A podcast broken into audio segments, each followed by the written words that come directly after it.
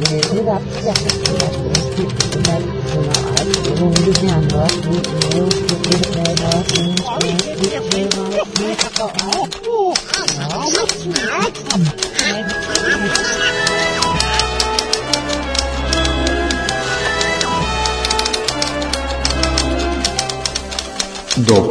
из Диснейленда. Тишина тому. Ничто меня не смешно. Ćao, slušate podcast Dopisi iz Disneylanda, posljednji za ovu sezonu, to jest ne za ovu sezonu, za ovu godinu kalendarsku, sezona druga, epizoda 9. Mada meni dalje malo problem što smo prešli sa onog uh, brojanja 1, 2, 3. Mislim da sam zapisao sad, dobro. Mislim ne, ne, da devetka, devetka, devetka. Nego, ja imam problem s tim što smo prešli sa 1, 2, 3 na ovaj... SO 02. Na, da, zato što sad ne znam koja je ovo ukupno epizoda, a meni je zanimljivije ono, ukupno, znaš. Pa ovaj jedan podcast koji ja inače volim da slušam i ne znam, stalno pominje ovaj No Agenda, ovaj, oni imaju taj fazon epizod, ne znam, 8, sad su tipa da su negde dogurali na 870, i e, ono, epizoda 870 neki podnaslov. E, a sad šta je fora što njih dvojica rade dva puta sedmično, četvrtkom i nedeljom po tri sata, ali oni imaju dosta tih nekih zahvaljivanja, oni imaju neku foru kao zovu, zovu ekipu koja im su im donat, koji su im donatori zovu kao producenti sad recimo ti si ove, ove sedmice si najviše donirao, ali čuče tu su cifre solidne, znači ono tipa par stotina dolara i tako par nekih, do 50 dolara čak kao oni ne prijavljuju donacije, a ove ostale kao daju im neke nazive tipa ne znam, baron, grof, kralj, ovo ono, kao ono, kako se kaže ono kad ih night, kao ono, pos, pre, pre, nije pretvara ih u viteza, nego nije ni rukopoložije, nego... A pa im, im, na, naj, nije, nije Knighthood, ne. mislim, okay, Knighthood je teško, nego ono kao kad ga... Na, pa ne, Knighting se kaže. Da, na someone knights someone, ja.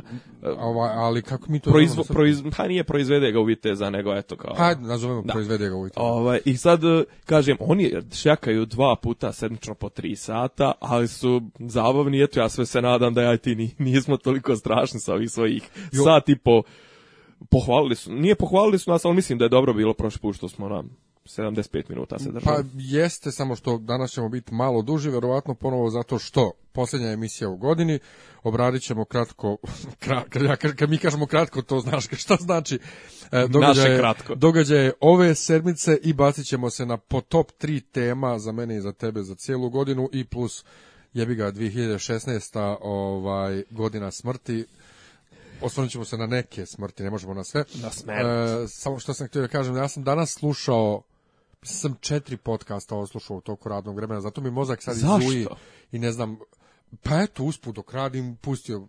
Da, e, da ne, da se, ja nikad radije nisam jel slušao. Može, ne, jel možeš raditi i podcast, e, ja nekako... Ja ne mogu, uh, ranije nisam mogao. Uh mhm. -huh. I isto kad idem napolje, pa hodam napolju i slušam usput, mo, mo, mislim je odlutaju i onda moram se vraćam da čujem šta sam propustio. Međutim, danas tri od četiri podcasta sam apsolutno odslušao radeći posao, uh, A, pazi, skuvavši ne... čaj, ne znam, sve usput. To, ali to može, mislim, okay, ali kažem, posao ali kao bili... posao, ja znam šta ti radiš, pa me zbog toga interesujem, mislim, ja volim, ja pustim, lupam sad Daška i Mlađu dok perem sudove, znaš, i to je posao koji mi ne traži tu vrstu koncentracije da me podcast može ometati, ali za bilo koji komplikovaniji podcast, ja da radim bilo šta što uključuje pisanje, čitanje, ovo e, ono, e, ali upravo, divim znači, se ako meni, Ne, meni, je, meni se danas posao sastoji od toga da vidim samo neke parametre i da radim u suštini copy-paste, copy-paste, copy-paste sve vreme. Ali ovaj, tri podcasta koje sam slušao su bila ono film, TV, serije, muzika i tako to, tako da sam lako mogao da pratim. Laki je treme. Međutim, ovaj, posljednji podcast koji sam slušao bilo je Stuff You Must Know, ja mislim se zove, mm -hmm. ili, mhm. ili, tako mhm. nešto. Mm -hmm. Ona cr crvena, ona e, kao to, to, glava. To, I gledao sam, o to, slušao sam o, o, na temu da li može danas da se živi bez bankovnog računa. E, ja sam video, ja sam pretplaćen, mislim pretplaćen, ono, imam subscribe-ovan sam pa, da. na, taj, na taj podcast i vidio sam tu i htio sam baš juče prekče da e, ja E, slušam. ja sam danas slušao, pola sam propustio, jer sam radio usput, a drugo, stravično su spori.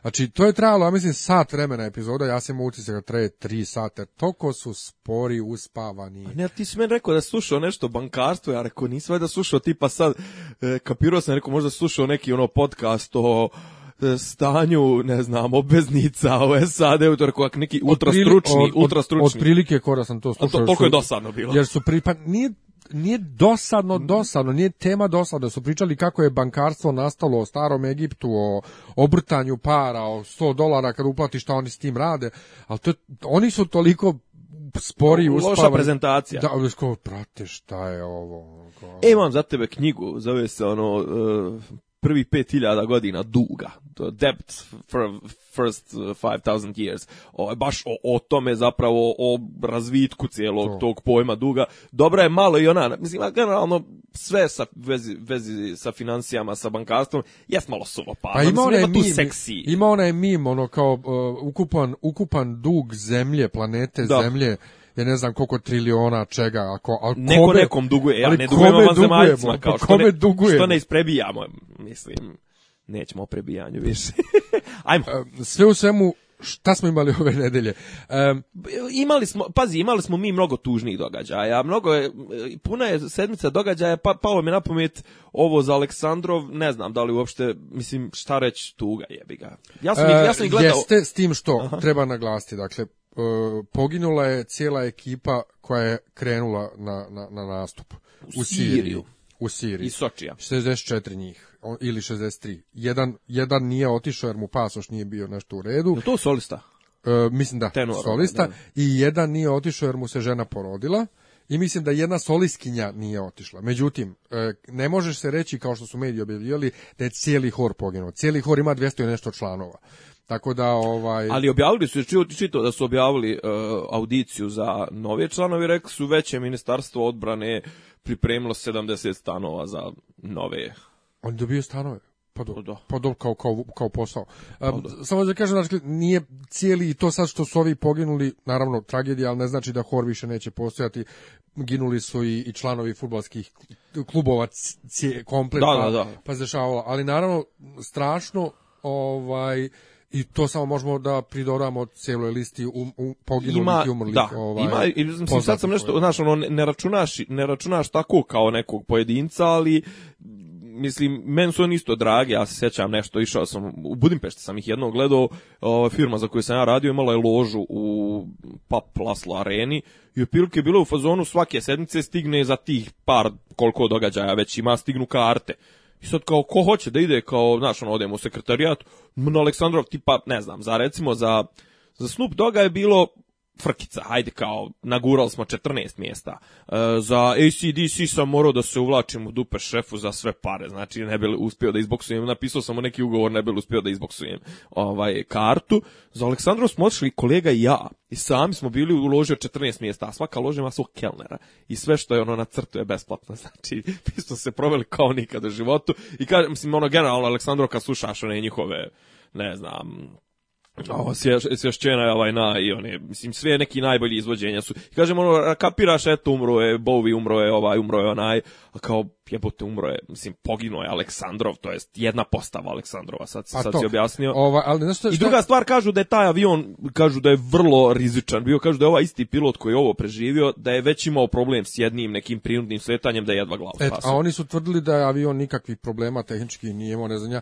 A kad se srušio onaj poljski onaj avion, nešto isto kad su nešto svi izginuli, nešto prije, ne znam koliko godina, bio 7, isti, godina. Da, bio isti tip aviona. Ali dobro, ali to se pričalo da su Rusi obarili ovoga, brat, jednog od braće, onaj e, Kačinski, to bio da, predsjednik, jest. predsjednik i brat mu je bio premijer. Jest. Inače, ovaj, ja imam e, problem s tim nazivom Red Army Choir, odnosno hor Crvene armije, jer imaju dva.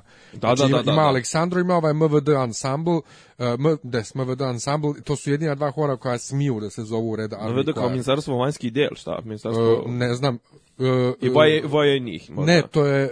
Um, Ministarstvo unutra... Uh, ne, ne, to je akademski ensemble Ministarstva unutrašnjih poslova. Aha, vnutrenje. Interior. Da, da. da. da, da okay. Tako da, ovaj, ne znam kad na kaže, koga se, da, da. da koji, ne, koji, Aleksandro, i kad Aleksandro, sam, ja ih nikad ne zovem, ja ih sam ih uvijek zvao. Ne, ne, okej, okay, ali, ali ja ne znam kad, kad ih vidim na televiziji ili na YouTubeu koji je koji, ako da, da, ne da, piše. Da, da, da. Ova, tako da sam ja mislio recimo da je Aleksandrov oni koji su pevali na, e, u, u Soči u Get Lucky.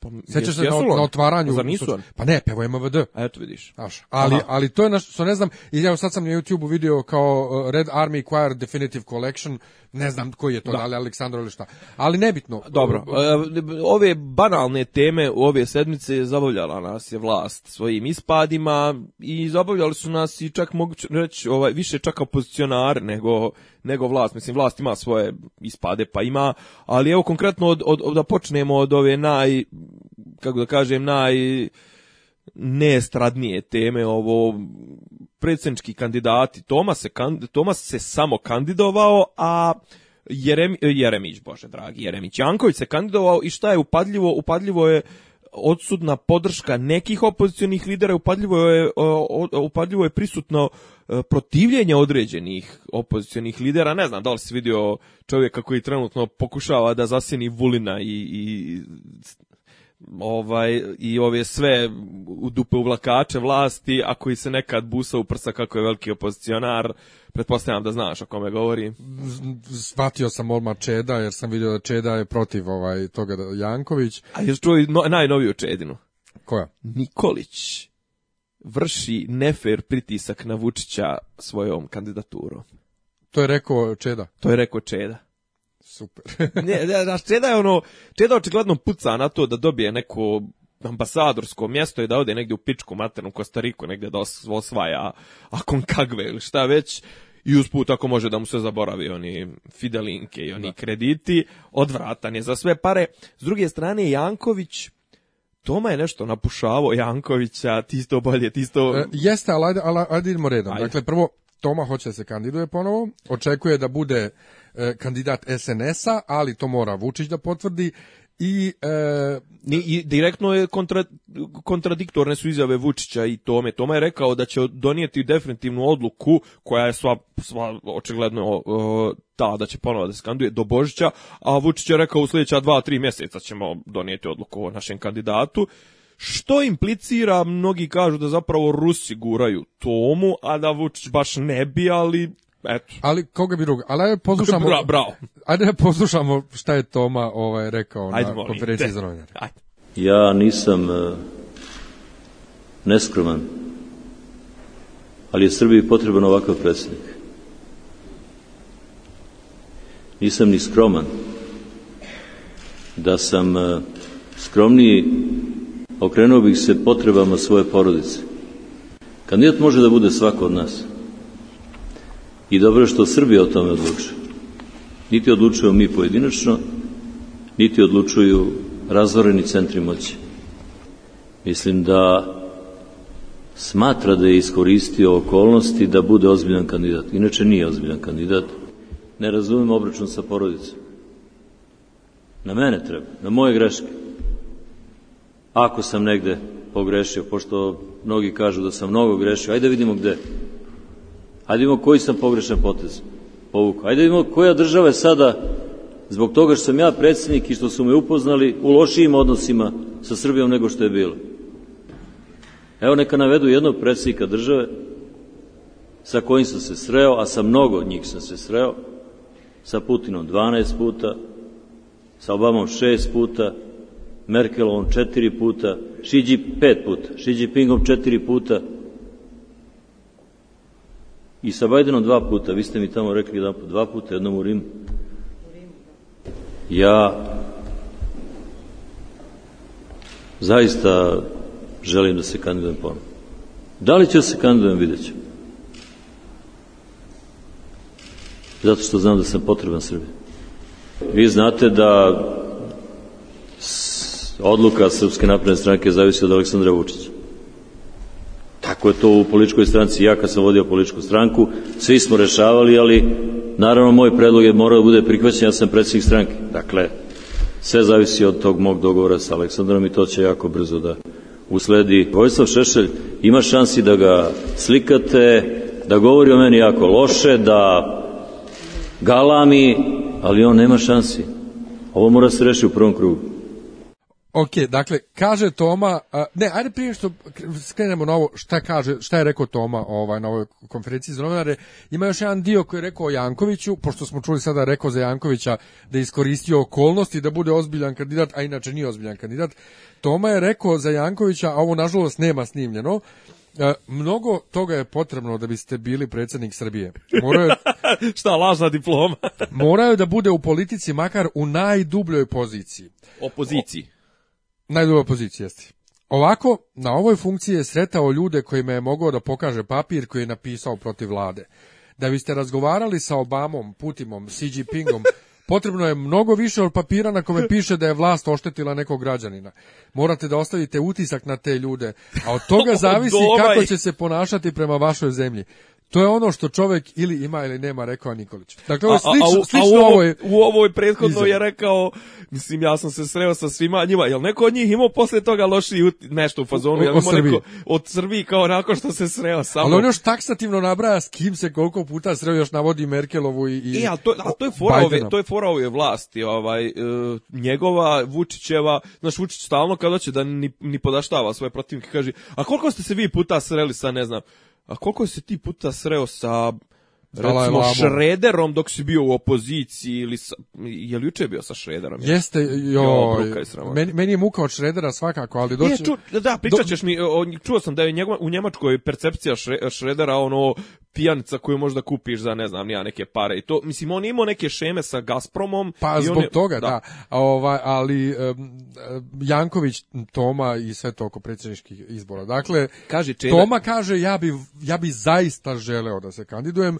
jer sam potreban Srbiji on je to rekao ne znam se sjećaš prije nekoliko mjeseci je rekao nema bolje kandidata od mene ne znam i, ko bi bolje radio ovaj posao i, i to i da je on jednostavno ima još stvari koje nije obavio koje su Srbiji potrebne koje samo on može da uradi to je izjavio javio pa smo se smijali tome. Čeka, jel ovo izjav sad što smo slušali, jel tu rekao nisam skroman, da sam skroman, e, nisam ni skroman, Jest, a nisam ni neskroman jer da, da sam htio to, ja bi to posvetio se više, rekao, posvetio početku, se više. Na početku je to rekao. Ali je hit totalni što je on ovaj čovjek e, tvrdi da nije ni jednu grešku jedinu napravio nikako kao prezi. Pa pazi što, što je najgore. Al što on jadan ti u ovoj njegovoj izjavi čuješ da on nije siguran da li će mu Vučić dati da se kandiduje. A me posjeća ono iz audicije, ono prim me, Pa to ono, javno djete koje kaže daj mi molim to još jedan krug na biciklu. Znači, pa, baš, je, baš jedan. S druge strane, e, mnogi ljudi pitaju za Jankovića e, a koji je njegov koji će biti njegov program kao predsjednik. Da. Gdje se ja pitam, čekaj, ali kakav program kao predsjednika? Predsjednik nema program, predsjednik, predsjednik ne radi ništa. Evo to da ti kažem, Čeda je imao prije ovoga što je napušavao uh, Tomu kako pritiska Vučića, imao i kritiku Jankovića koja je zapravo svodila se na to, pazi ovo, znači isto ću parafrazirati, ovaj, ali ću dobro. Imao je kritiku koja je svodila na dvije stvari. Otprilike on je rekao kao, Znate, predsjednik treba da bude neko ko, ko št, pazi na prava svih građana, ovo ono, i e, Janković je otprilike pa kao, znate, nama treba predsjednik koji neće biti samo stranački renca, nego jedna šira platforma. I onda ispod potpiše i kaže, a Janković to nije. Pa kako nije jebote? Pa to je baš opis Jankovića. Pa upravo to, znači čovjek koji se bavio zaštitom prava običnog čovjeka protiv kad ga država handri i druga stvar, znači čovjek koji pokušava da da pr, pr, obuhvati jedan širi spektar ljudi iako iako ovaj ja E, vidim ono, jel, Boško je već sobstveni kandidat, Šešelj je kandidat SRS-a, opet imaju ovi neki spavači tipa onaj neki Popović, onaj s naočarima iz, iz DSS-a, Doduše, taj, e, znaš, znaš šta bi moglo da se desi? Moglo bi da se desi da taj desni uh, da kažem, ne, ne SNS blok, tu ti isto su desnije od SNS-a, da im ne prođe kandidat u drugi krug. Znaš, jer Boško i, i Boško ne, i Šešelj vuku... se između Boška i Šešelja. Ali ja mislim da će Boško biti bit bolji od Šešelja. Um, jedino, ja. jedino, jedino, Nažalost, što može, ja. jedino što može da se desi, može da se desi ako Toma izađe na crtu Šešelju, da će Šešelj da pokupi dosta Tomini glasača, ali neće pokupiti Šešelj glasove na uštrb e, dveri i Boška. On će može da po pa Šešelj može samo da pokupi razočarane SNS-ovce. Jest, ali vi sad ovo, e, Toma malo pre kaže u izjavi kako Šešelj može samo da galami, a nema šanse protiv njega na izborima. Ali to, ja mislim da se tu Toma čisto uzda u SNS-ovsku mašineriju. Mada. Ništa, niš, ništa drugo. Pa ne, on, ali, on jedan na jedan sa Šešeljem, Šešelj će ga Ali mi je smiješno što se Toma pita zašto mu napadaju porodicu. Ja prepostavljam ovo za ove vikendice i sve to. Ali to je, to je malo SNS-ovska mantra. Ne, ne, ono. jest, jest, što mi napravaju porodicu, a to što su oni napadali Jankovića, šta su čovjeku radili, to nikom ništa. Dakle, ovo je demagogija užasna. Ja se stvarno pitan kad on kaže tako, ja nisam napravio ni jednu grešku Da li on to stvarno veruje? Pa nije, ali pazi, što je da najgore, da on, nije, on, on, nije imao, mogućnosti, e, kako, kako da kažem, e, njegova činjenja nemaju težinu, jer je on predsjednik, to smo shvatili, ono je... Ne, ne, dobra, šta, šta znači, a dobra, gafovi su smiješni, ali mislim, njegove, njegove greške nisu koštale državu ne mogu da kažem, ajde nisu koštali, mislim, jesu njegova putovanja koštala, znaš, ali pa greška... Dobro i Dragici pare što je, što je, što je pa, isisavao. sve to minorno, znaš, u poređenju recimo s jednom greškom koja se zove, ne znam, onaj Blagoje Spasko, Spako, Spaskovski, eh, direktor RTB-a Bor ili, ne znam, e, juče je prekriče sam gledao na N1, sinoć sam gledao Čulibarka i Dejana Šoškića, onaj što je bio e, guvernera, inače čovjek profesor na ekonomskom fakultetu. Oni kažu da je zapravo profesionalni menadžment, sjećaš se kad je bila ta priča, profesionalni menadžment e, željezare, da. koji da. je hvaljen onoliko onaj Hamarš, e, ne Hamaršik, ka, Kamaraš, onaj Slovaki. Oni su za, za, ta, za tu godinu dana koliko su vodili željezaru, e, minus je bio 140 miliona kao što, pa, mislim, toliko sam ja mogao minusa napraviti u Željezar, mislim, znaš, ono, kažem, to je, to, je, to je greška koja je, recimo, vjerojatno koštala, znaš, znaš šta je 140 miliona, mislim, 140 miliona prevedeno u, u Vučićeve subvencije je, e, šta će biti, recimo 40.000 ljudi po 30.000 ovaj, eura subvencionisano radnih mjesta ili ne znam, 140, to je 100, jel tu 100.000 ljudi po, po, po, po, po čet, ne, nebitno, 10.000 ljudi po 14.000 eura da se im subvencion su radna mjesta. Tako da kažem, naš Toma, mislim, greške, znaš, nije mogao da napravi neke greške, jasno nas bruko, mislim, se sa im nosio rakiju Arapima i ne znam, okreni avion, padamo.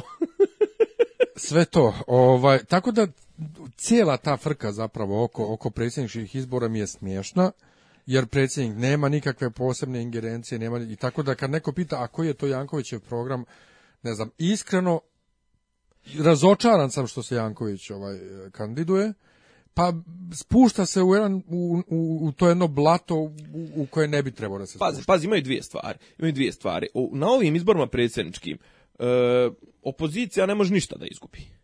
Vlast ne može ništa da dobije. Može samo opozicija da dobije vlast da izgubi ako se A šta će to opozicija da dobije? Pa tipa da se iskristališe za neke sljedeće izbore, da se malo suzbije, da se napravi neki rezultat, svaki rezultat koji bi nosio više od 15%, ne do bog 20%, bi bio znak da, da, da nešto se radi. Druga stvar, u, ulazak u drugi krug bi bio ravan pobjedi. Naravno, pobjedeće onaj, mislim, to, to svi znamo, pobjedeće onaj koga Vučić podrži ili sam Vučić, nebitno. Druga stvar, ovi izbori nisu bitni. Zašto? Zato što za godinu, dvije ide promjena ustava. Sa promjenom ustava raspušta se skupština, predsjednik podnosi ostavku, idu novi izbori, bira se novi predsjednik po novom ustavu. Možda čak više ne bude predsjednički sistem.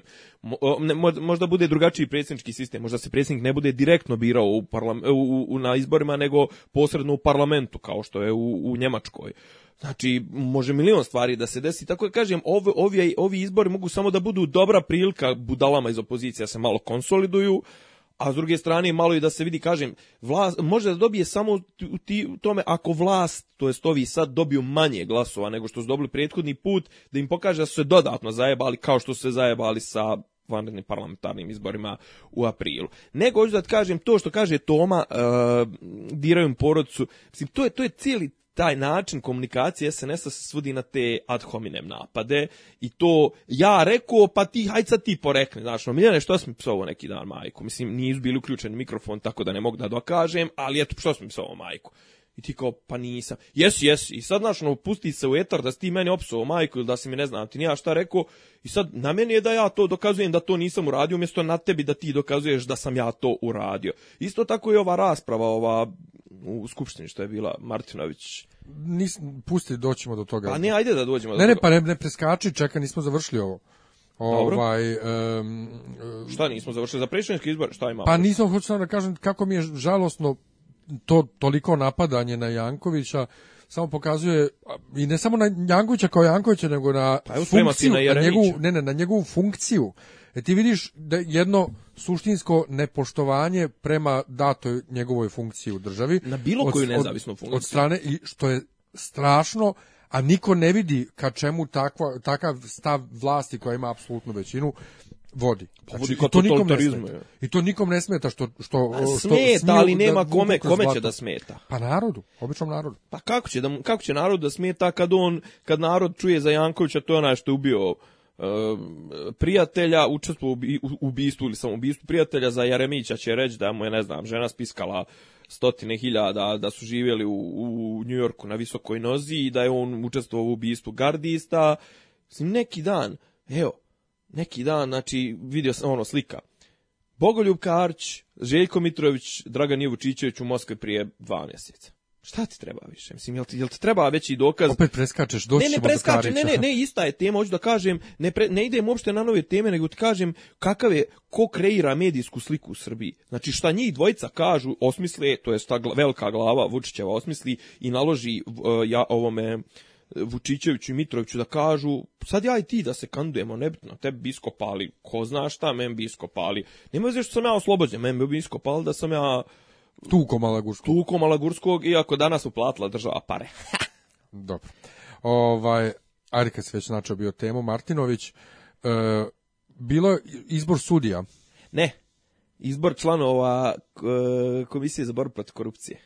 I neka ženska se prijavila koja je inače učestvovala u onom slučaju Račak.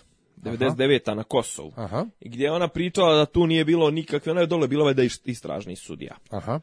A inače, ok, mislim, SNS u kadar, nema ništa protiv toga. Mislim, vlast bira svoje kadrove u... Iako, kod nas vlast ima problem što ne shvata šta znače nezavisne institucije. Zašto su bitne nezavisne institucije? Pa ta ista nezavisna institucija će tebe nekad da štiti kad ti ne budeš vlast. E, ali, ova ali naši vlast, uopšte ne računaju na to da će... Ne zna kad... da više neće biti ni vlast. Da. I kažem, znaš, ono, zašto je, zašto je bitan povjerenik za, za informacije od javnog značaja Šabić? Zašto je bitan Janković? Zašto je bitno da ti tu staviš nekog ko ima iole integriteta i ko je iole nezavistan? Zato što taj treba da presjeca u slučajevima kad je, e, kad je s jedne strane država, a s druge strane pojedinac. Kao juče Perkić je bila rasprava o, o RTS-u. i Izađe debeli Đuka i kao pa što kao, pa, kao taksa, hoćete taksu, mislim šta, taksu, ne razumijem, za RTS ako nećete taksu, onda će biti vlada da će da plaća iz budžeta RTS, ali onda je to vladna televizija. I vrat, onda mora da mu ustane jebeni Šarović iz SRS.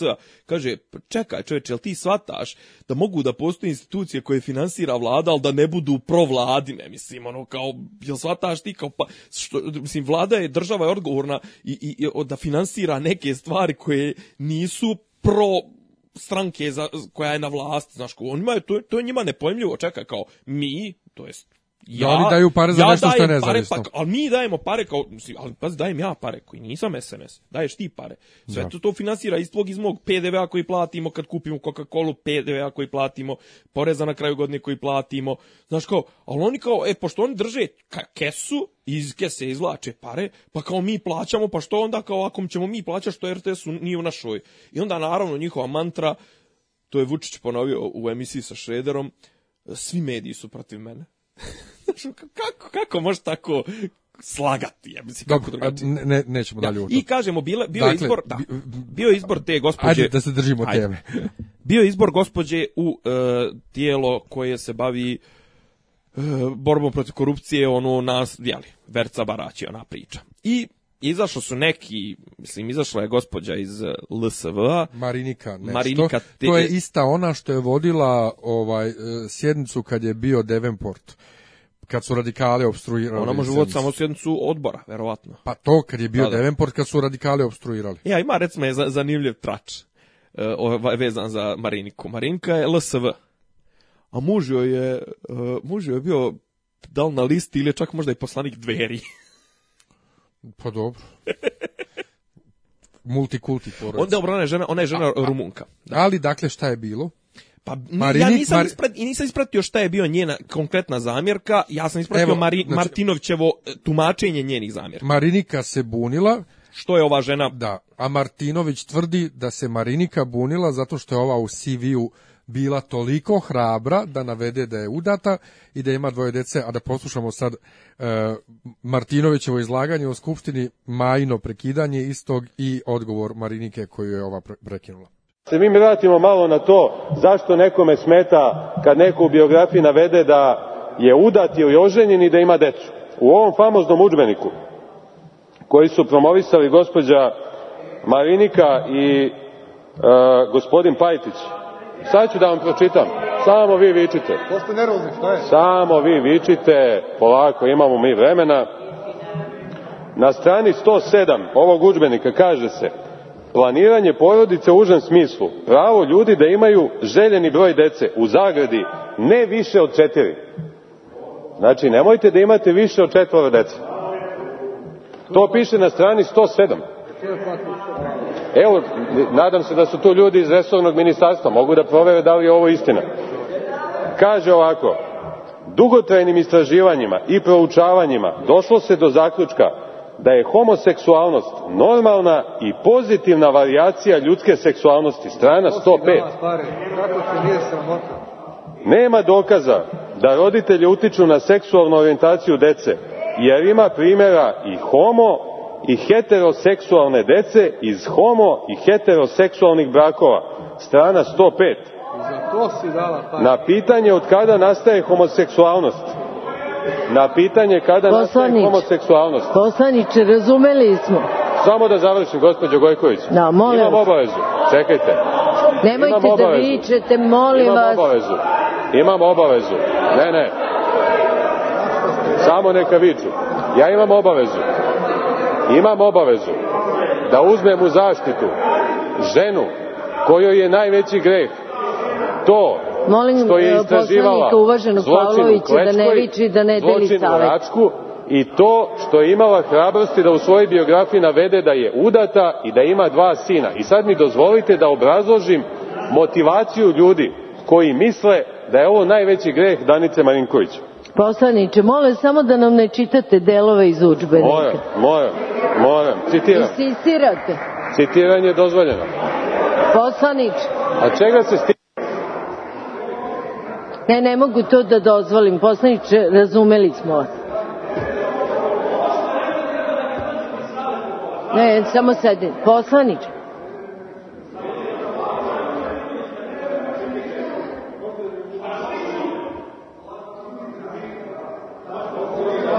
Ana je... Ne mogu... Da li razumela? Ne, evo, ja vodim sednicu. Ne mogu, poslaniče, da dozvolim dalje da čitate delove iz udžbenika. Ako želite da... Molim vas, da.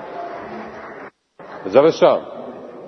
Samo da je podsjetim ovu gospodu koja su nervozna, koja mi dobacuju, koja vrište i vama i meni. Predsednik pokrajinske vlade Bojan Pajtić i tadašnja pokrajinska sekretarka Marinika Čobanu Tepić su promovisali ovaj udžbenik Znači, nemojte da imate više od četvoro dece, sve je normalno, sve je dozvoljeno, a najveći greh Danice Marinković je što je došla na odbor i rekla, udata sam, ima dva sina. E vas treba da bude sramota. A vama hvala, gospođo Bojković. Ako vi niste svesni da se svi rađamo kao seksualna bića sa slobodnim pravom da biramo da li ćemo se reprodukovati ili ne, To je pitanje našeg izbora. Ja vam tu pomoći nećemo, ako do sada to niste shvatili, nikad nećete. Ali svojim nastupom i uvredama mene niste uvredili. To je moja borba ja ću terati, odustajati neću, makar pokušavali da me izvređate koliko god možete. Ali ste uvredili upravo vladu Republike Srbije, uvredili ste ministarku Brnabić koja sedi ovde. Ostavite ministarku na miru. Nemojte lično da se obraćate, obraćajte se meni, a ministarku ostavite na miru. Ovim vašim replikama nju ostavite na miru.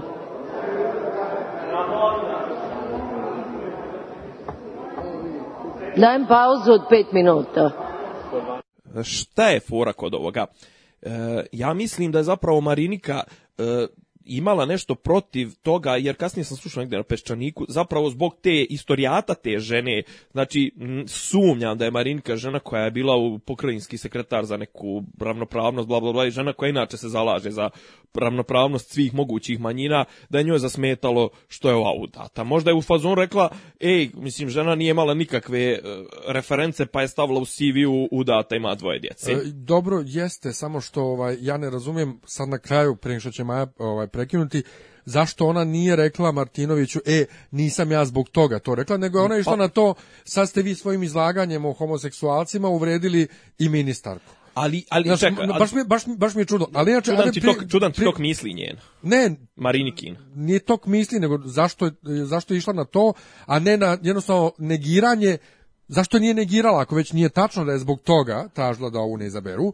Zašto to nije rekla? Ne, ali ali sad ću ti reći ja šta je, ali zašto je Martinović uopšte umjesto da kaže, ej, ta žena je dobra zbog toga i toga i to sve, on je rekao, e, sad ću vam ja reći šta, za kakve se vrijednosti zalažu e, Martin, ova, Marinika Tepić, I Čobanu i Pajtić. Kakve to tek veze ima sa izborom ove žene u konkretnom slučaju, mislim, i kao e, Marinka se zadlaže za promociju homoseksualizma. Homoseksualnosti. Jebem se. Ovaj, kao, what the fuck, čekaj. Pa, hoće da je diskredituje. Pa, o tome pričam svoje vrijeme, znači sva sa, skupštinska rasprava u zadnjih pola godine, godinu, pogotovo od kako je Maja se vratila, se svodi nad hominem napade. E, a sad, sad, sad stanim, znači, ja ne mogu, ne, ne mogu da, da, da se ne sablažnjavam svaki put na Majino ponašanje. Dakle, E, Martinović pokušava da diskredituje Mariniku ovaj u očima javnosti recimo time što kaže javnosti javnosti u Srbiji generalno dobro generalno time što kaže vidite kakve ona vrijednosti promoviše sa tim udžbenikom i doduše ono što je naveo kao idiotizam a jeste idiotizam totalni udžbeniku da kaže ne treba ti više od četvoro djece stvarno mislim ja bih opet i to volio da pročitam mislim izvinjavam se što ne vjerujem Martinoviću E, ja, čovjek je naveo tačno stranu u udžbeniku.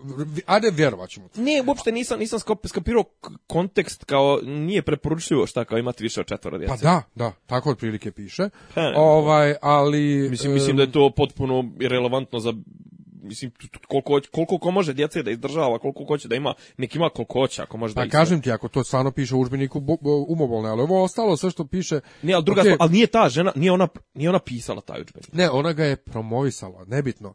Maja njega prekida u trenutku kad svata da ide previše na pljuvanje homoseksualaca. Ide previše povratak u, radi, u, u radikalštinu. Ovaj, prekida ga i kaže, razumeli smo poslaniče, razumeli smo poslaniče, razumeli smo, onda mu gasim, a on se govori, ja imam obavezu, ja imam obavezu da, da završim, razumeli smo poslaniče i onda, zaboraviši da isključi svoj mikrofon, kaže nekome sa strane, jel ne me mogu, razumeo? Ne, da, jel me razumeo, ne mogu da ga pustim, zbog Ane, Ana je tu, Ana, Ana Brnabić ili da. Ana BNB, ovaj, poznata ministar, ministarska lesbijka. Da. Ovaj, ali da li me razumeo ne mogu zbog čega kao ne da, zbog čega sam što oduzio. znači da da Ana nije tu bilo bi sasvim ok da on to pa priča. Da, da, da. da. Svejedno što to Ana može vidjeti na, na snimku ili, ili vidjeti na televiziji. Pa ne, osjećaš, A onda kad Marinika nju... uzima reč i ovaj uzima reč i, i, i proziva Martinovića da, da je uvredio, da je uvredio i vladu ministarku. I, i, vladu i ministarku. Pa da. vladu posredno, posredno zbog ministarke javlja se Maja Karakondžula i kao ostavite ministarku na miru. Obraćajte se meni, ne pominjite ministarku i ugasio mikrofon. Za, očigledno ne znavši da su svi čuli da ona prekida Martinovića zbog ministarke. Dakle, to je jedan takvo licemjere, tako da, jedan da. čemer da se povrati, fuj, fuj, fuj. E, ne znam jel se sjećaš, prije par isto prije par uh, sedmica, prije par mjeseci isto Maja i Martinović i Martinović ali to je ona predstava. Ja sad moram da kažem nešto, ja, ću, ja znam da ćete vi mene da kaznite, ja moram da kažem nešto, i ono nastavlja kao u fazonu kao, ali Boško Obradović jedna nevaspitana bitanga, i on kao nešto završa, i sad ona kao, poslaniče, ne, ne možete to da kažete, morat ću da vas kaznim. I ono smija se, znaš, kao u fazon, kao, znaš, pusti ga prvo da, da ovaj ono izbljuje, izbljuje, a to što ti kažeš lice, pa da, mislim, ali to, to je taj, to je ta, kako da kažem, to je taj način, taj modus operandi SNS-a, znaš, kao, e, mi deklarativno se zalažemo za prava manjina seksualnih ovih, onih uvrstimo ministarku koja im je očigledno nametnuta, jeli? Sad je sve jasnije da je ta ministarka kada im je trn u oku, ali ne mogu da je kritikuju zato što je američki igrač. Ali ono, znaš, kao stari, rad, mislim, ono, zna se šta nam duši, radikal sjedi leži i posto ga nadovezao se Đuka sa izjavom da ne može, da mu je neprirodno da se dvije žene ili dva muškarca ljube i da je Bog stvorio ljude da se razmnožavaju, mislim, što je super, odlično, ali ovaj nije ovde samo stvar o SNS-u i radikalima. Maja je vrlo jedan specifičan primer gadosti. Apsolutno. To, to njeno podjebavanje ljudi u skupštini, to njena bahato korišćenjem funkcije ponovo slina nije bio ni blizu toga. Ja ću, svaki slina, put ću reći, slina, svaki put ću reći on je bio car u poređenju. Slina koji je non stop insistirao na poštovanju parlamenta Poslovnika. Kao ne, ne, poštovanju parlamenta Parlament. kao institucije, a oni šta su sve radili u skupštini i kako su prekidali sve, ali čovjek je spram ove koze bio savršen. Inače, zato, zato što nije, dok je Martinović čitao, dok je Martinović čitao ono sve iz, iz, iz tog udžbenika, neko je dobacivo iza njega zašta si davala pare za to si davala pare kao Marinici ovoj valjda. Da. Šta e, a, a, e, a, šta hoću da kažem? Ali, i vraćam se na ono što mislim da sam, ja sam prošli prvi put rekao. Ja koliko god da je ona nametnuta, koliko god da i ona mora da sjedi tu, ja bi više podjebavo ovu ministarku za, za to što s kim je ukolo ušla, nego ovi, ovi su čobani pa čobani, mislim, šta njima reći, mislim, kako pričati. Sa, znaš, ono, neko je skoro napisao, ovaj, znaš, sa SNS-om nema argumentovane rasprave, ti njem kažeš, e, ej, ovo i ovo, ovo ti ne valja. On će tebi reći, a ja, a, a ti što si, ne znam, nija onaj, ošamario sestru kad si imao 10 godina, znaš, mislim, te neke gluposti, ali kažem njoj, i onda je ona dala neku izjavu kao, to je, ne znam, ne želim to više nikada čujem, zar nismo ostavili tu retorku iza sebe i to, i neće pojedina, nije na pojedinačno rekla da je zamiri, zamiri Martinović, rekao, dobro, nije i ona ministarka optužila opoziciju za, za ne znam, to što, što se ona osjeća ugroženo. Jedna potpuna ne znam. Ne, ne, bljuvotina, bljuvotina. Licemjer je to. I kažem, mislim, ali to je taj front, taj uh, front uh, koji je okupio ovaj od Vulina na kvazi ljevičara preko onog Popovića, preko Miše Vacića, preko bla bla bla, znaš ono, kogod je spreman da proda Guzicu Čeda Jovanović, kogod je spreman Vučić će ga primiti u svoje krilo i evo sad znaš, juče u novinama je bilo fantastično, mislim, znaš, e, ne, jutros ova ministarka pravde, jedna znam se uhvatio izjavu njenu, kao na pitanje, neko ju je pitao, pa kako je ovaj, ne, ona je rekla, ne smijem da vam kažem kakve, kako, kakvo je atmosfera bila na elektrisane, kakve riječi je upućivao na sjednici vlade premijer kad je čuo da su protiv Dinkića i Bogoljuba Karića ovaj ob, odbačene optužnice. I to sva kao ja sam mu rekla, to tužla, do tužilaštva mi to ne smijemo da se miješamo on se žalio protiv Dinkića, Dinkić mu savjetnik za, za Arape, a Bogoljubova žena i brat mu na listi za poslanike. Pa misli, koga on folira, e, jebote. E, upravo to nam je sljedeća tema svakako a. bila. Ovaj, ja sam bio zbunjen. Zna, viš kako te me meandri. Ja sam bio zbunjen dan za danom. Bukvalno dan za danom su obustavljene istrage. Šta sad to znači za Bogoljuba Karića? On sad smije napokon da se vrati u Srbiju. Dolazi u subotu. Aha dolazi novu godinu da proslavi. Ne, odbačeno je i automatski ministarstvo pravde obara ovu... Potjernicu. Da, obara, povlači potjernicu, povlači zahtjev za izručenje, za bla, bla, bla. Iako vidim što kaže neko, vidim Rusu su se onako, svojski su se ovaj, uzbudili što je 11 godina na njihovoj teritoriji bio čovjek. Eto, toliko o toj ljubavi Rusa i Srba i tome koliko su koliko oni Srbiju zarezuju kao ozbiljnu državu. Čekaj, čeka, ti sad ozbiljno pominješ e, Rusiju što nije izručila Karića, a Mira Marković nikom ništa. Pa dobro, ali protiv Mire, ja, ja ne znam ili ima nešto protiv Mire. E, Mira i Marko, protiv, sigurno... Protiv Marka tražen. ima, ali protiv Mire nisam siguran. Mira neće da dođe. Pa ne znam šta može biti protiv nje. Ona nije bila ni na kakvoj funkciji, šta, žena predsjednika. Ne znam, trebalo je to sve lustrirati. E, lustrirati. Ta, pa, pa dobro. Ne, ne, trebalo ilustrirati ove što su ostali sve. govnare. Ma sve, sve. Ne, ne, okej, okay, ovi se ne bi nikako ni vratili svakako, ali trebalo Ivicu i ove no, nogu im udupe dati. Ovaj, slažem se. Nego, kažem, Bogoljub Karić, pazi, ja za Bogoljuba, e, imam, e, hoću da kažem... Samo riječi hvale. Ne to, nego ne znam ja konkretno zašto njega Mislim, za proneveru e, para prilikom osva, osvajanja, osnivanja mobtela, odnosno da je ne protivzakonito dobio nešto neke prostore licence neke, predajnike da, pičke i pare za, za to i da su neki preko njega neki e, dobili ki, kiparski neki dobili su neke Dobre zajmove bez Dobro. garancija, bla, bla, bla. a znaš šta je najjače? Sjećaš se ko je zapravo bio najveći protivnik Bogoljuba Karća i koga je progonio? Ko? Pa Dinkić. Pa sad na šta je, na šta je za zanimljivo? Za onaj ekstra profit. Šta je još zanimljivo? Dok je Dinkić pa bio upravo, guverner. Upravo, na šta je sad jako zanimljivo u tome što su njima dan za danom ukinute ove uh, istrage, Aha. jednom i drugom. Što u oba slučaja, vrlo, šta god, u oba slučaja vrlo bitan faktor igra Kipar. Kod, kod, kod Dinkića Kipar sa parama koje su iznošene, Ne, a pazi, Dinkić je trebao da uđe u trag tim parama. Nije Dinkić iznosio pare na par.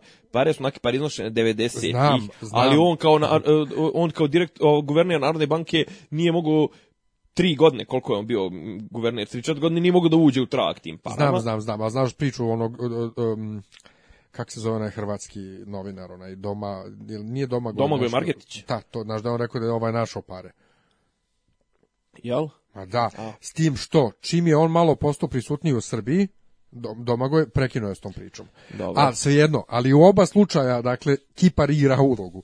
I kod, i kod ovih, i to bi tako nešto odzvanjalo u glavi dva dana, Kipar, Kipar, znači sve to neka velika, kažem, velika tolika, znaš, tolika, tolika je to, eh, kako ga kažem, znaš, ono, licemjerno, dobro, kažu da je, kažu da je, ovo je sve ove muljavine s Rusima i to da je završio Bogoljub. I da je ova odbacivanje istrage zapravo hvala Vučića i ekipe to bogoljubu za to što je, ne znam, pove, Putin podržao ovo ono što dao te neke migove što ovo što man, mislim sve svi dilovi s Rusima koji su zadnjih nekoliko godina rađeni kažu koji da, nisu ništa dobri ništa nisu, za nas. naravno ne da nisu dobri nego su mislim Rus su Rus I to nam je sredio Karić. Jeste i zato ga, zato su zato mu tre, su mu progledali kroz prste to jest ovaj obustali su i sve. Šta bi tek bilo da nije sredio? ne, ali dobro, aj pričali smo o tome prošli put, znaš, ono, mislim Rusi kažem Rusi imaju tu nesubtilnost u, u vođenju te spoljne politike. Oni, on sve to rade onako KGB-ovski, ono, ono, ko, ko prije 30-40 godina, znaš, ono, on ti neće otrovat uh, E, ne znam, ono da ti stavi nešto u večeru i to sve, ne, on će te prvo izbatinat pa će te naćera da popiješ pilulu s cijanidom, pa što ti onako samo tečan da da umreš od cijanida, znaš, mislim, Rusu, kako da kažem, i ovo sad što se petljaju, mislim, petljaju se u, u, u srpske i preko Srbije u crnogorske, a da ne pričamo ovo što rade s Dodikom, to je dno dna, petljaju se unutrašnje stvari, znaš, ono, sad kao, eto, Rusi podržavaju, to, može mi, ne daju Bajatovića, ne daju, ne znam, Ivicu, fuj, znaš, mislim, ruski, ono, kad čuješ ko su ruski ljudi u, Amer, u, u, Srbiji, sad guraju te tog Vacića, pa onda Lavrov se slika sa onim zavetnicima, ono, znaš, kažem ti, Rusi, ono, najgori u bagru i baš Bozuko, ono, hoštaplere podržavaju u, u, u Srbiji, znaš, mo, podržavaju ljude koji samo mogu loše da donesu, ne mogu dobro, mislim, šta može Miša Vacić dobro da donese? I on kaže, sad su skočili, skočili su na, na kosti ovome. Čekaj, ček, Miša? Vacić. To je ona iz... 1389. Aha. Pa jesi ispratio aferu oko njega? šta što je bio dana. tužen, a nešto novije. Pa ne, pa, pa zadnjih par pominje. dana, pa u, u, on, je, on je trenutno vladin zaposlenik u kancelariji za Kim, kod Marka Đurće. Pitaj Marka Đurće, je on vam sametnik? Pa ne znam ja ko je sve zaposlen u kancelariji, mislim, ja, on je direktor te kancelarije. Mislim, ja znam da nije moj, za, e, zaposlen, nije moj savjetnik, ja nemam savjetnika po sistematizaciji. I na kraju kao, pa jeste, eto, kao na kraju ispostavilo se da je zaposlen kao šta, šta je, neka, nekoga je pitao, šta je vas kao predložilo za tu poziciju?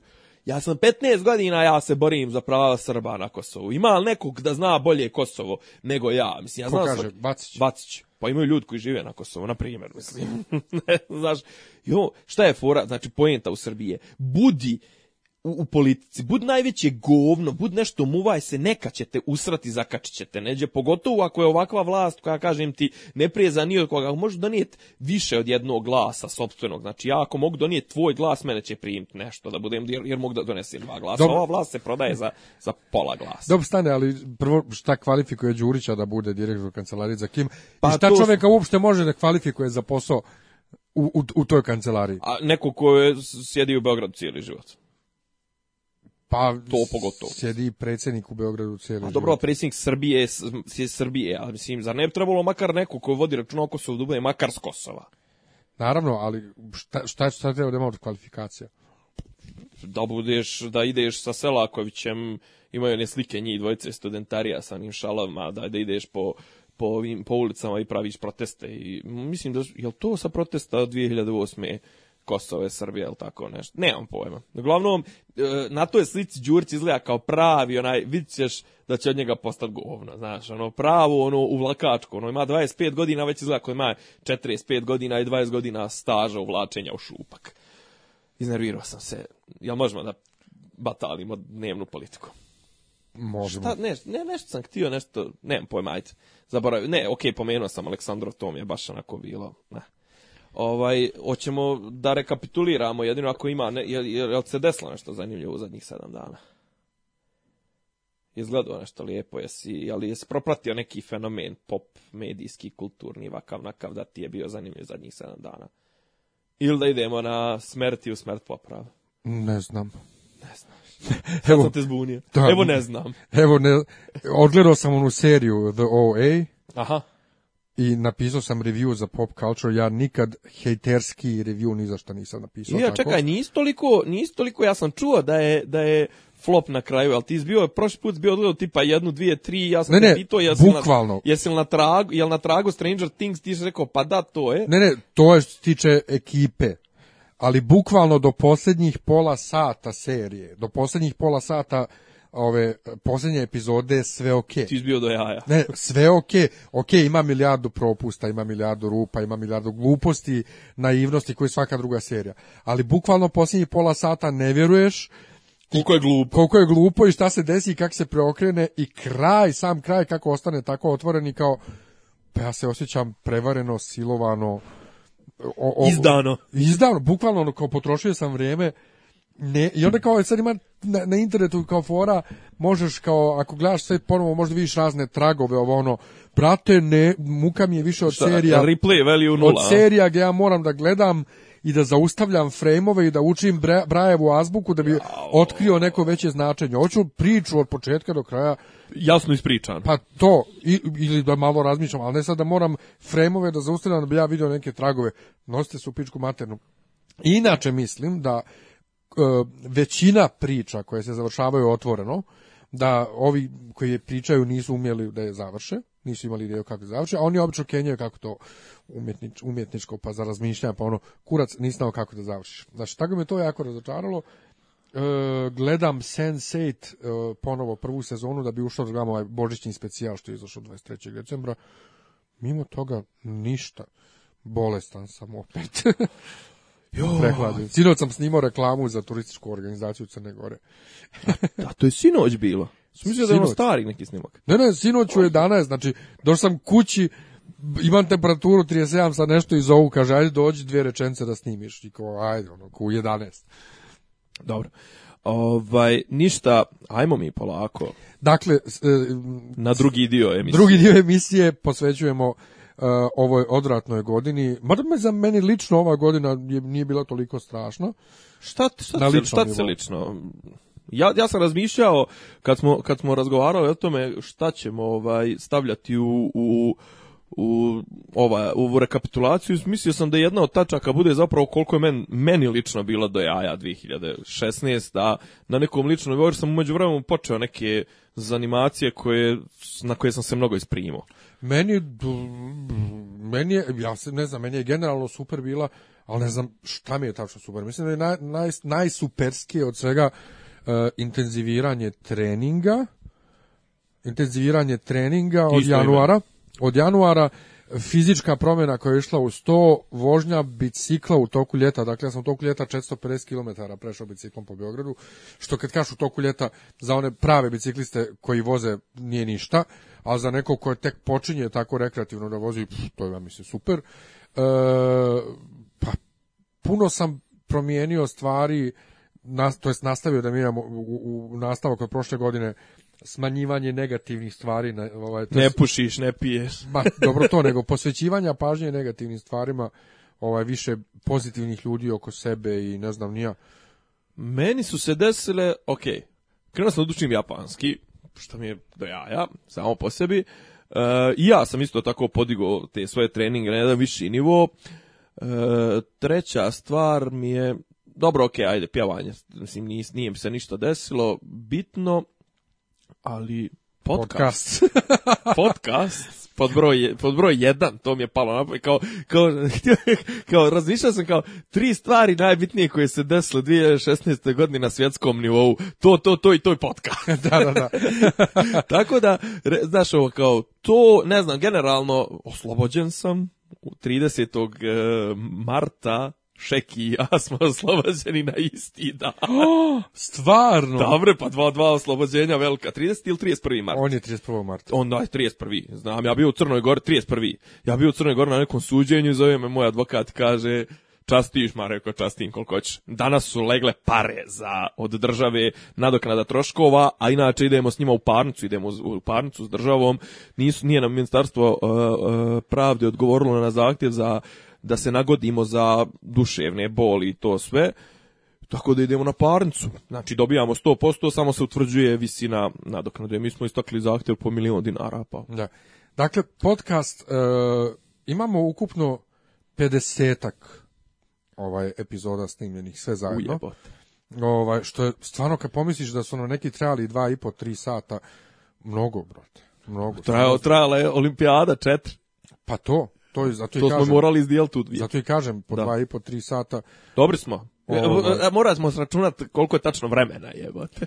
Pa po, po mm, sat i po otprilike, znači jedno 70 sati sigurno, mo, pa to, minimum, to, možda to, i više. Tako da ovaj ne znam, zabavno, zanimljivo. Ali polako. Šta su top vijesti? Evo kako smo da ne bismo izgubili previše vremena, ovaj da ne bismo previše kopali. Jer nema ni jedan naš sajt gdje možda ukucaš, to jest ja sam na Google tražio vijesti godine 2016. Aha. Nigdje mi ništa nije izašlo. Događaj, možda treba probati događaj godine. Pa nemam pojma. Dakle, ja, sam, ja, sam kucao, ja sam kucao smrti 2016. Izašla mi je srpska Wikipedia, što je dobro, da bi se, jer sam zaboravio recimo, nisam mogao da se sjetim ko je sve ušao u ovu godinu, ali recimo od ljudi koji su mi zafalili tu su, ne znam, Bata Živojinović je nešto pred početak godine umro, e, na početku godine, a Duško Korać je umro tipa 6. 7. negdje oko Božića. Da. Ovaj. A nema recimo ni na Blicu i tako tako tim novinama nemaš nema tagova. pretragu pretragu po mjesecima recimo mm -hmm. ono kao da dobiješ spisak svih vijesti iz mjeseca. Tako da sam se ja na kraju sjetio top vijest, ovaj, a da, iznećemo svako od nas po tri top vijesti u ovaj, ove godine. Top, top vijest događaja. broj, broj 1 za mene ovaj, kod nas, Šešelj oslobođen. Stvarno? To je 31. Za pa, zar nije? Pa, ali šta je donijelo to? Pa nije mi to šta je donijelo, meni je e, sam događaj značajan. Pa on je događaj u retro, mislim događaj bitan kako da kažem retrospektive e, u, u čovjek prošlost. je 12 godina da. proveo ovaj ah, u zatvoru. U e, zatvoru proces je trajao stravično dugo. Ja ne znam da li je iko od tih visokih funkcionera nazove high profile procesa oslobođen do sada od naših. Mislim da su ona dvojica DB-ovci, Jovica Stanišić i Franki Simatović. Mislim, o, Šešelj nije bio, ni, nije nikad bio državni funkcioner. Ne, naravno, ali, ali što se visoko misli. profilni proces bio ono, bio bit. Tako da je, da je on uspio... Milan ono... Milutinović? Hm? Jel Milan Milutinović? Predsjednik Srbije? Ja mislim ne. Mm, da je on, tipa njega nismo malo zašta. Ja baš, ne, apsolutno, ne, ne pojma. Ja sve imam da, da, da, on su, ili su pomrli ili su osuđeni. Ali u svakom slučaju, čovjek je njima rekao na početku, poješćete sva govna, ono, i na kraju su, koliko god da se trudili, morali da pojedu ta govna. I zato ne, on, mi je, oni, on ih je iznu, iznurio. I zato mi je, zato mi je to stvarno, stvarno događaj, prvi događaj, znači prva, prva tema ovaj godine, Šešelj oslobođen, ja mislim, ja stvarno, kad je on čovjek 2000, koje, 2001. 2002. Ne, treće. Treći u februaru pred, pred smrt Đinđića. Da. 2003. Znaš da je pobjegao 20 dana prije. Pa znam, i bio je vic e, kad kaže uteko, ja. ma ne, nego kaže Milošević e, Šešelju kao e kao upucali su Đinđića ah, zar je već podne. Da, ovaj, tamo, tamo. Pa da, sjede, da, da, da. Um, on kad je 2003. otišao, ja sam stvarno očekivao da ga mi više nikad nećemo vidjeti u Srbiji a kamoli na političkoj sceni. Evo ga, on je sad će biti kandidat za predsjednika. Ja sam očekivao da ga nećemo vidjeti iz čisto biološko-fizioloških razloga, to kada je krenula se oteže, on je vrati bio na samrti tipa od 2008. Mislim, ono, njemu su našli neke metastaze na jetar katastrofa. O, ali kažem, ne znam, ali mož, ok, pričali smo o tome kad je bilo aktuelno, ali baš ovih zadnjih pola godine me razočarao me teško. Mislim, nije da sam od njega, od njega očekivao nešto bi, bilo šta drugo, ali on je realno on je došao i, i mislim da će sada da da sjebe radikalnu stranku do kraja jer ovi njegovi u, u, u skupštini on se jadni suzdržavaju se da budu ono što su navikli da budu a to je opoziciona stranka i da pljuju i da bljuju onako maksimalno a on nešto pipka tomu Vučića ne smije ne znam 12 godina si se borio kao lav protiv nekog tamo i sad si pokunio rep i podvio rep i, i, i ovaj, borio nos pred svojim pod, počinjenim, pred, pred svojim ono, naslednikom. Pa jebemo, mater, Đeti je, Đeti je ponos. Ja se sjećam kad je, kad je najavljeno da će njega da puste, ono, tek kad je prije, prije presude, da su svi bili fazonu, o, sad će on da rasturi ovo. Ja sam govorio, ma neće ništa. Ne, on će, nema, on, on, nema on sad platformu na kojoj može bude. Međutim, po, on dostojanstvo. Kad, kad su ga oslobodili i kad je izašao na izbore, ja sam očekivao da će nešto da bude, međutim...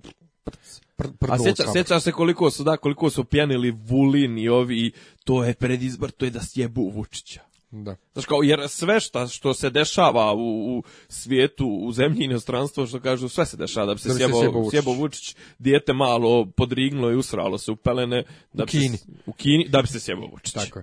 Šta je tvoja tema? Prva? Sljedeća tema je, kale mi se malo na to, a to je, što smo mi ono išli na izbore majke te? Pa iz istog razloga iz koje ćemo ići sljedeće godine. Nekom, ako, nekom ako se digo, a pitanje je da mu se i diže. Ali stvarno, što smo išli na izbore? I zašto idemo, zašto idemo iznova ponovo? Toma je rekao da je u tranzicionom procesu dobro češće ispitivati volju građana ali ja sam već pričali. pričao sam, šta, oko čega, šta smo mi to epohalno, ok, ovi donose zakone nesmanjenom žestinom, sve po hitnom postupku, dobit ćemo te upravnike zgrada, dobit ćemo pičke materne, Beograde na vodi, ali od većine koja je mogla da mijenja ustav, od 190 poslanika koliko je brojao SNS plus SPS, On su sad spali na nekih 160, umeđu vremenu su im ušli vrlo neprijatni trnu oku Dveri i Radulović, dobio je Čedu i radikale kao opozicione stranke koji su ok, onaj, blagi prema vlasti, da tako kažem, i imaš i one koji su i dalje tu, koji su bili DS i, i ovoga Đurišća i ove Tadićevce, znači jedan flop, jedan težak. E, tad je bilo navodno zbog atmosfere u društvu. Ovi dana stalno se mantra i ponavlja se da te, e, manjina teroriše većinu, što je nonsens, jel te? Ovaj, I druga stvar, ponavlja, e, cirkus koji se, u koji se skupština pretvara, nije isključeno da da će to se iskoristiti kao povod da se ponovo ide na izbore, ali kažem, imali smo imali smo dva mjeseca izbornu kampanju od februara do aprila. Onda smo, čovječe, tri mjeseca nismo imali parlament, vlada je funkcionisala u tehničkom mandatu. Onda smo imali posle toga izbor vlade koji ništa nešto spektakularno nije promijenio, osim, ne znam, Brnabićke i mislim Brnabićka mjesto Kori, isti kurac. I što je ovaj pisao ekspoze? Ekspoze koji će ući u istoriju, što kaže Marko Atlagić, najbolji ekspoze od, od Matije Nenadovića pa na ovamo.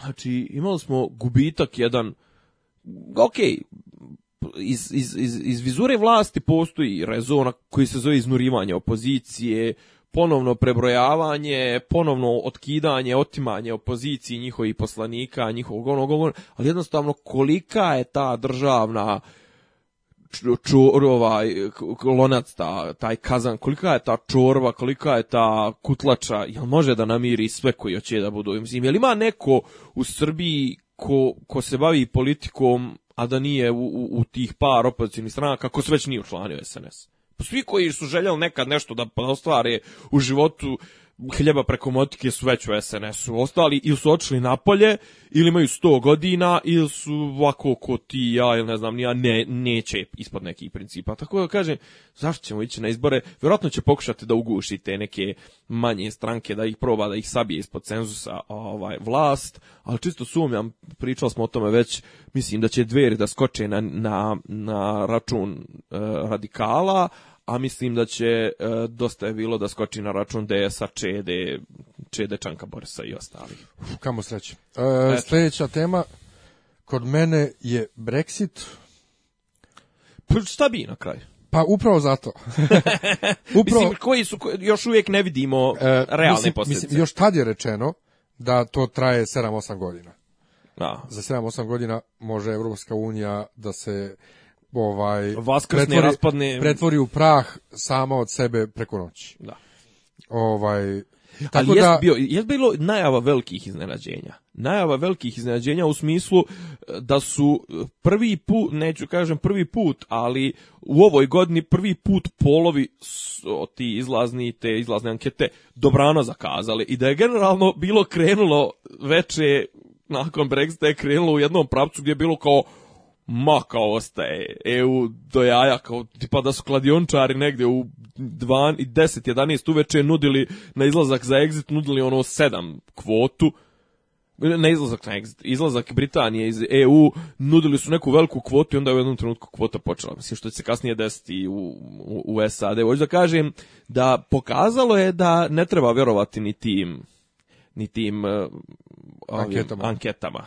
Ovaj i da je taj sentiment generalno da, da, da je, ra, ra, kako da kažem, taj anti sistemski, antibirokratski, anti ha, da kažem i korupcionaški, anti-establishmentski, da, da je dovoljno, dovoljno, dovoljno postoji kritična masa koja to u demokratskim sistemima može da izgura.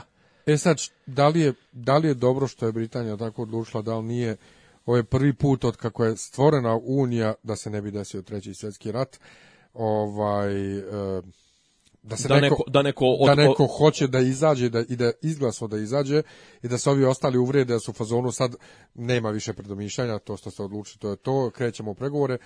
Da li to znači da je sad moguć treći svjetski rat, a i da li znači da su ovi ostali da nije moguć treći svjetski rat? Mislim, naravno da ne znači da Britanija nije odlučila Pazi, da treći, izađe. treći svjetski rat se više neće vod, e, mislim da treći svjetski rat neće, neće Nijemci započinjat niti vod, ni, ni Francuzi. Psi, treći svjetski rat trenutno može da izbije na pozicijama e, SAD, Kina, SAD, Rusija, bliski istok u smislu da Ira, Ira, ovaj, Izrael započne nešto sa nekim Arapima i najprije da može neka islamska koalicija je to da da uđe protiv neka svih. velika protiv svih ostalih eventualno tamo ne neke linije mislim zna se gdje su žarišta i zna se da je trenutno linija linija podjele ovo više nije ovo postkolonijalni svijet niti je ovo svijet toga gdje gdje je nekog jakog ugrožava kao što su Nijemce pritiskali ratnim reparacijama 30 i ovo ono i da se u Njemačkoj pojavio ovaj Hitler i, i, i ona nacionalsocijalistička stranka, pa sad kao Njemci ne mogu više da izdrže, znaš, i hoće ponovnu podjelu svijeta. Kažemo, prije možda nešto tipa Znaš, na šta bi ja uvijek pucao, tipa Pakistan, Indija ili tako nešto, obje su nuklearne sile, u, u, u, u Pakistanu je ta hunta, znaš, ono, njih Ameri podkupljuju zato što su nuklearna sila stalno i podkupljuju nečijim, Iranci, vidiš da, mislim, on se kao donekle su se smirili, znaš, ono, najprije da ako se pukne, ako pukne osovina SAD, Saudijska Arabija, ja najprije mislim da, da, da bi tu moglo nešto i da krenu Arapi da, da sravne Izrael sa zemljom, pa da bi onda uskočili Ameri da, da brane Izrael, najprije tu nešto vidim potencijal za neki veliki sukob.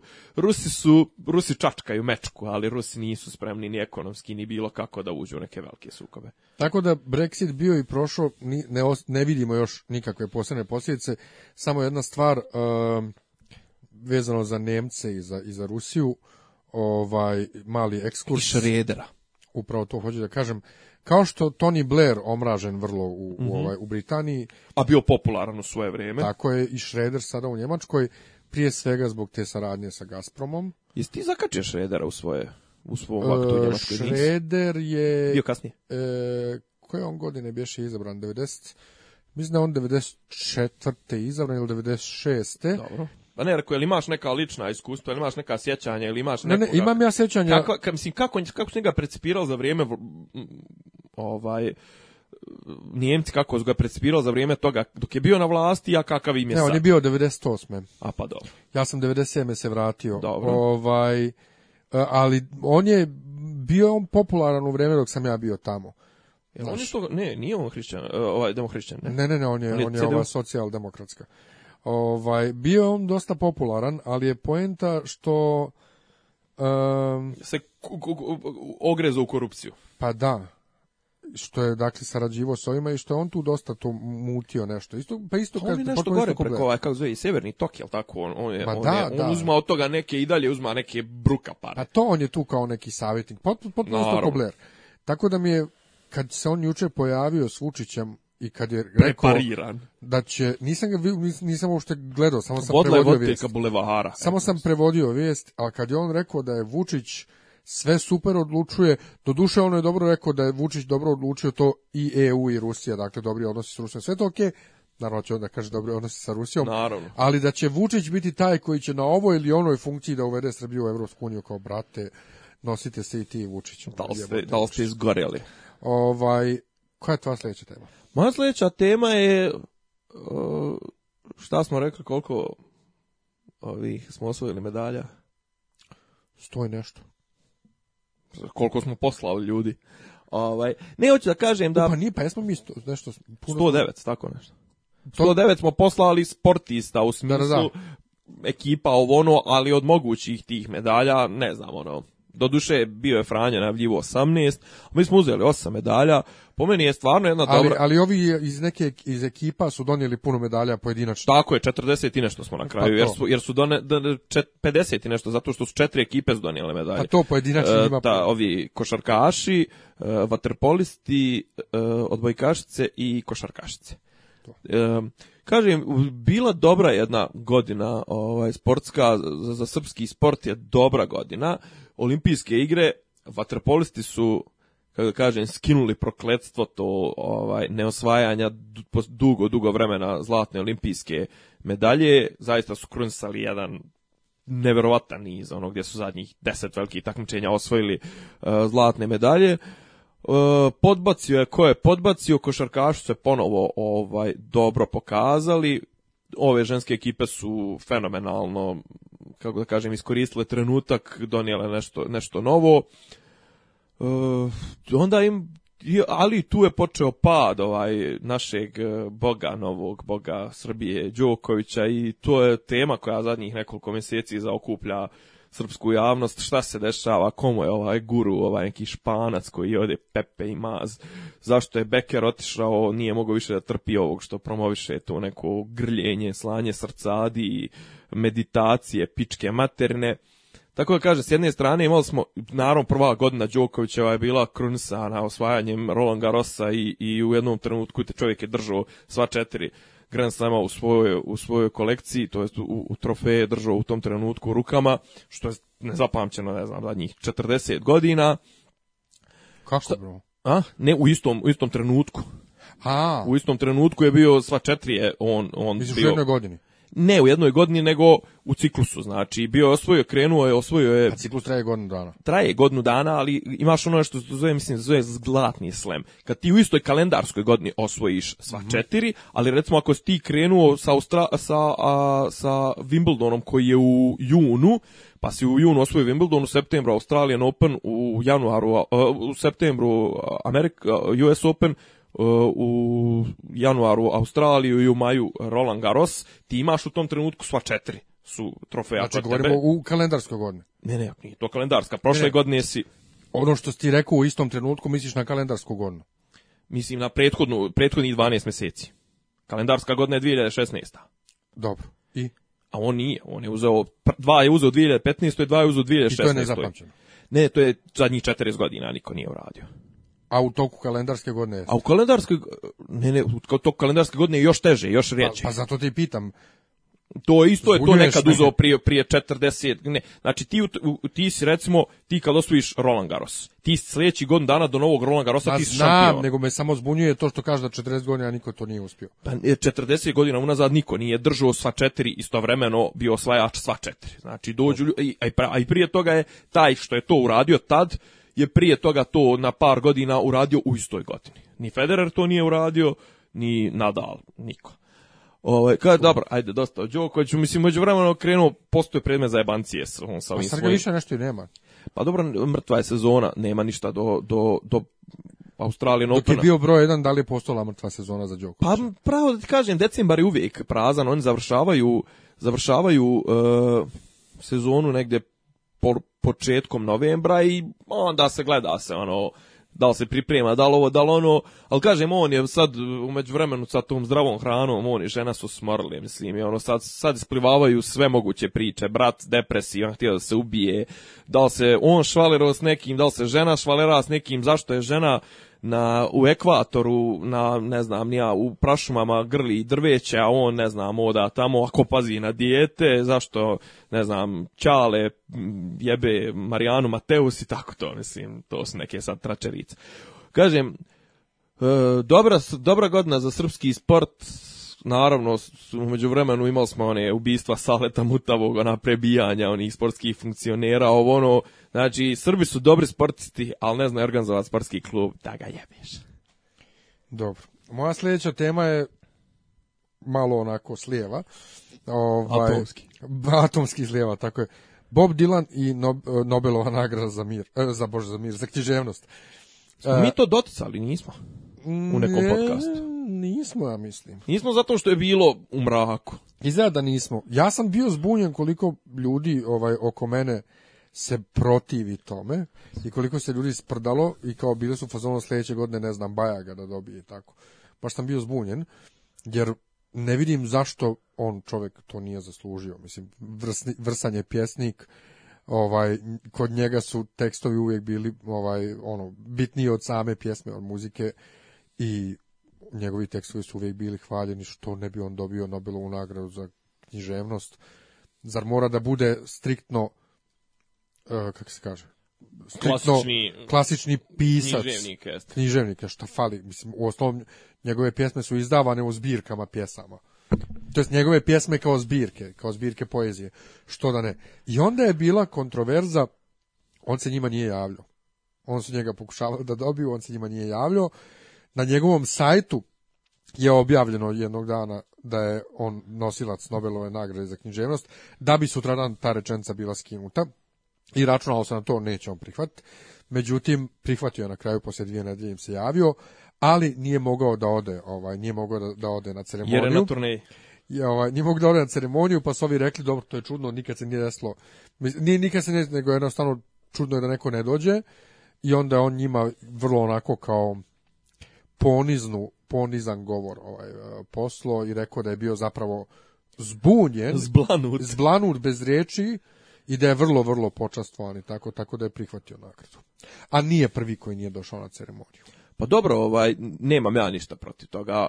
E, kao, mislim, šta su ono bile zamjerke, kao, znaš, da je on, ono, muzi, muzikant, ne znam, pjesnik za široke narodne mase, pa mislim, gospodo pisci, gospodo slikari, gospodo, mislim, ako vi pravite umjetnost radi vas nekoliko između sebe da biste jedan drugima drkali u krug, nemoj ni praviti, mislim, ono, ok, umjetnost je, umjetnost je da da, da, je, da je svi konzumiraju, pogotovo pjesme, danas sam slušao, ovaj, danas sam gledao, gledao sam Duška Trifunovića, rokumenti. Ovaj, I on kaže, kao Zirglek rekao je jednu genijalnu vijest, e, vijest riječ, e, riječ, to je rečenicu misao. Kaže, ovaj, znate kao kad pjevate, kad pjeva neki, neku pjesmu, kad se pjeva, samo uživa pjevač. I kao zašto pjevači umeđu vremenu kao počeo da okreću mikrofon i ne znam nije, kao zašto Raja e, pjeva te pjesme, pa da bi ona doživjela to ushićenje. Mislim, Dylanove pjesme su pjevane vrlo rado obrađivane, vrlo dobro obrađivane. Ja ne, ja ne znam iskreno ni jednog uh, e, autora, m, pritom, um, autora izvođača čije su pjesme više obrađivane nego njegove. I to vrlo dobro, mislim, njemu, njemu, njemu dio svoje slave mogu da pripišu Hendrix, mislim, ono koji je, ne znam, All Along the Watchtower ili Like a Rolling Stone, znači čovjek koji je udahnuo sasvim novi život, ja generalno nisam ljubitelj obrada, Pogotovo nisam ljubitelj obrada ovo sad nasilu uguravanja u neke ove e, stilove i žanrove tipa soft jazz, ne znam, e, bossa nova, pa i ova kapela, mislim, ono, sad se obrađuju akapela fazon sve i svašta, ali Koker e, sa svojom, ne znam, obradom Beatlesa, Little, little Help for My Friends ili ne znam, di, ovaj, uh, Hendrix, tu su ljudi koji stvarno podigli na jedan viši nivo te neke pesme i kažem ono, Dylan, Tilan je ne, ne, neopisivo bitan. I kažem, znaš, ono, ajde, došlo je na red, ako smo već, ako već kukamo kako nam umiru heroji, hajde makar neke naše heroje da ih stavimo,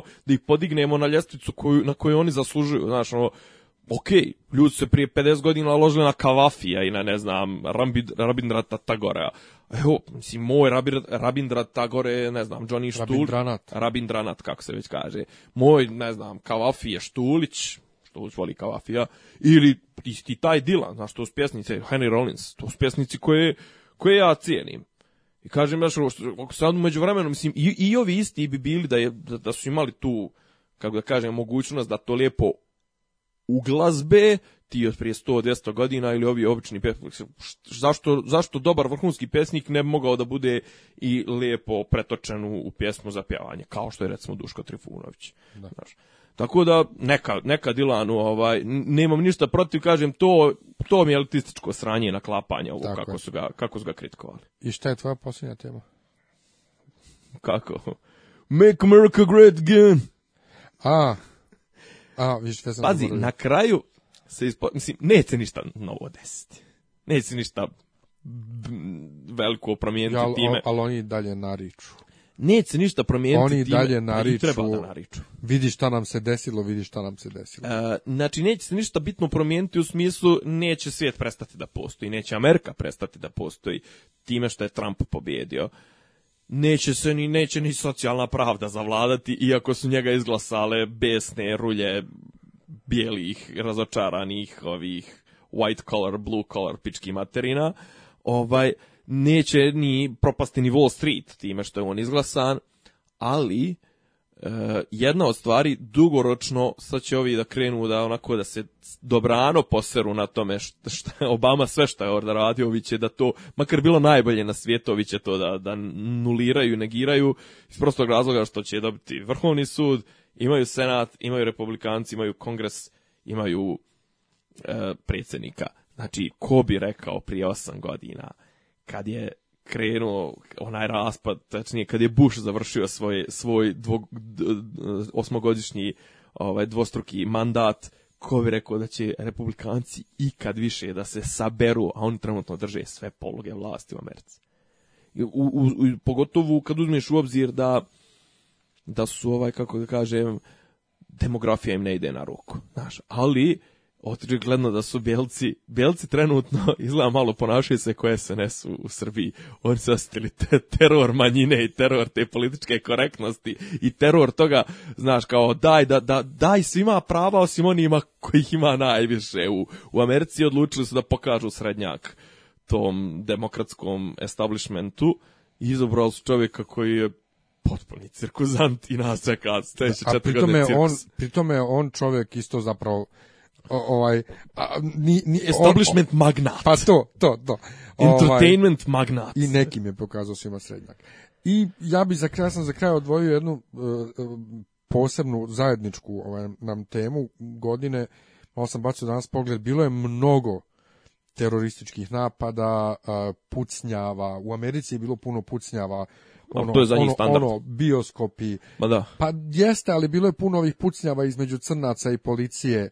Dobro, to je, to je, je nova, bilo, ten, nova, nova tendencija, ta toga je bilo mnogo, tendencija koja se veže da. na ove izbore. I generalno je bilo puno tih svakojakih napada svugde po svijetu, što islamske države, u Njemačkoj, kad je bio, kad je bio napad u Minhenu, ove godine, jeste? Nije prošle godine, ove godine je bilo u Minhenu, ono... McDonald's je on. On kad izašao napolje da, da. puca, je to... To je bilo ove godine. Ove godine, no proljeće. Pa da, pa je mm -hmm. sad bilo ovo u Berlinu i to. Je tad i u Nici bilo ono kamion prvi. Tako je, u Jeste. Nici kamion. Tako mnogo, mnogo... Da. Dobro, i prošla godina, paz, prošla godina je počela, koliko se sjećam, da li je bilo na, na srpski, na pravoslavni Božić je bilo Charlie Hebdo, je li tako? Jeste a onda je negdje u novijem broju bio onaj Bataclan, ono pucnjava ona ogromna i kažem Francuzi su baš bili izloženi, onda je bilo ono u Belgiji, možda je to čak bilo ove godine. Ne, ne u Briselu je bilo ove godine. Ove u godine martu. isto, februar, mart, tako je. I onda su krenuli ti napadi, evo ovo sad je kulminiralo je ovim ponovnim zloupotrebom, mislim zloupotrebom tim, tim načinom na koji jednostavno ne možeš da sprečiš da, da neko uzme kamion i da, da ga proveze kroz neku određenu masu. Ovaj, Da li ima sa toga više ili, ili, ili, ili samo više znamo zbog medija? Pa mi, mi, mislim, ima, kako da kažem, mislim da postaju kreativniji ovi, ovi zlotvori. Kreativniji u smislu, znaš, onaj, ok, neka dođe čovjek pokušava, znaš, ne možeš više da otmiješ avion, jednostavno ne postoji pored svih ovih sigurnosnih provjera, ne možeš više da otmiješ avion, da. Osim ako zavedeš ovu novu pilotkinju. Na primjer, na primjer.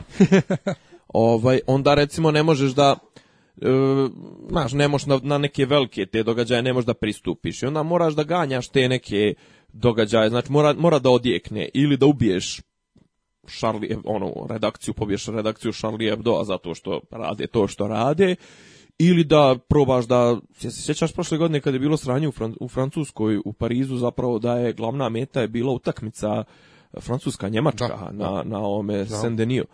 Eh, na Stade de France, izvinjavam se, sem da nije po, ovaj, po, po predgrađe Pariza.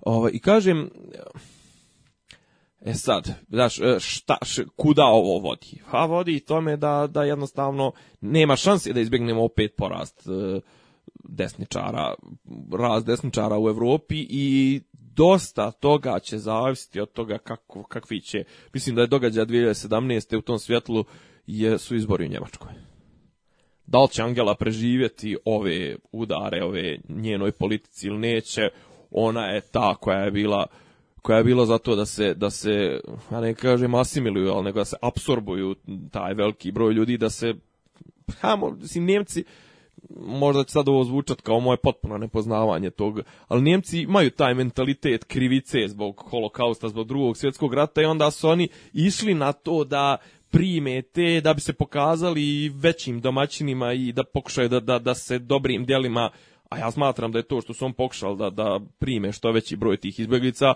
smatram da je to u, u, naravno da je imalo u, u, suštini svojoj dobru želju, ali mislim da je bilo pogrešan, pogrešan potez.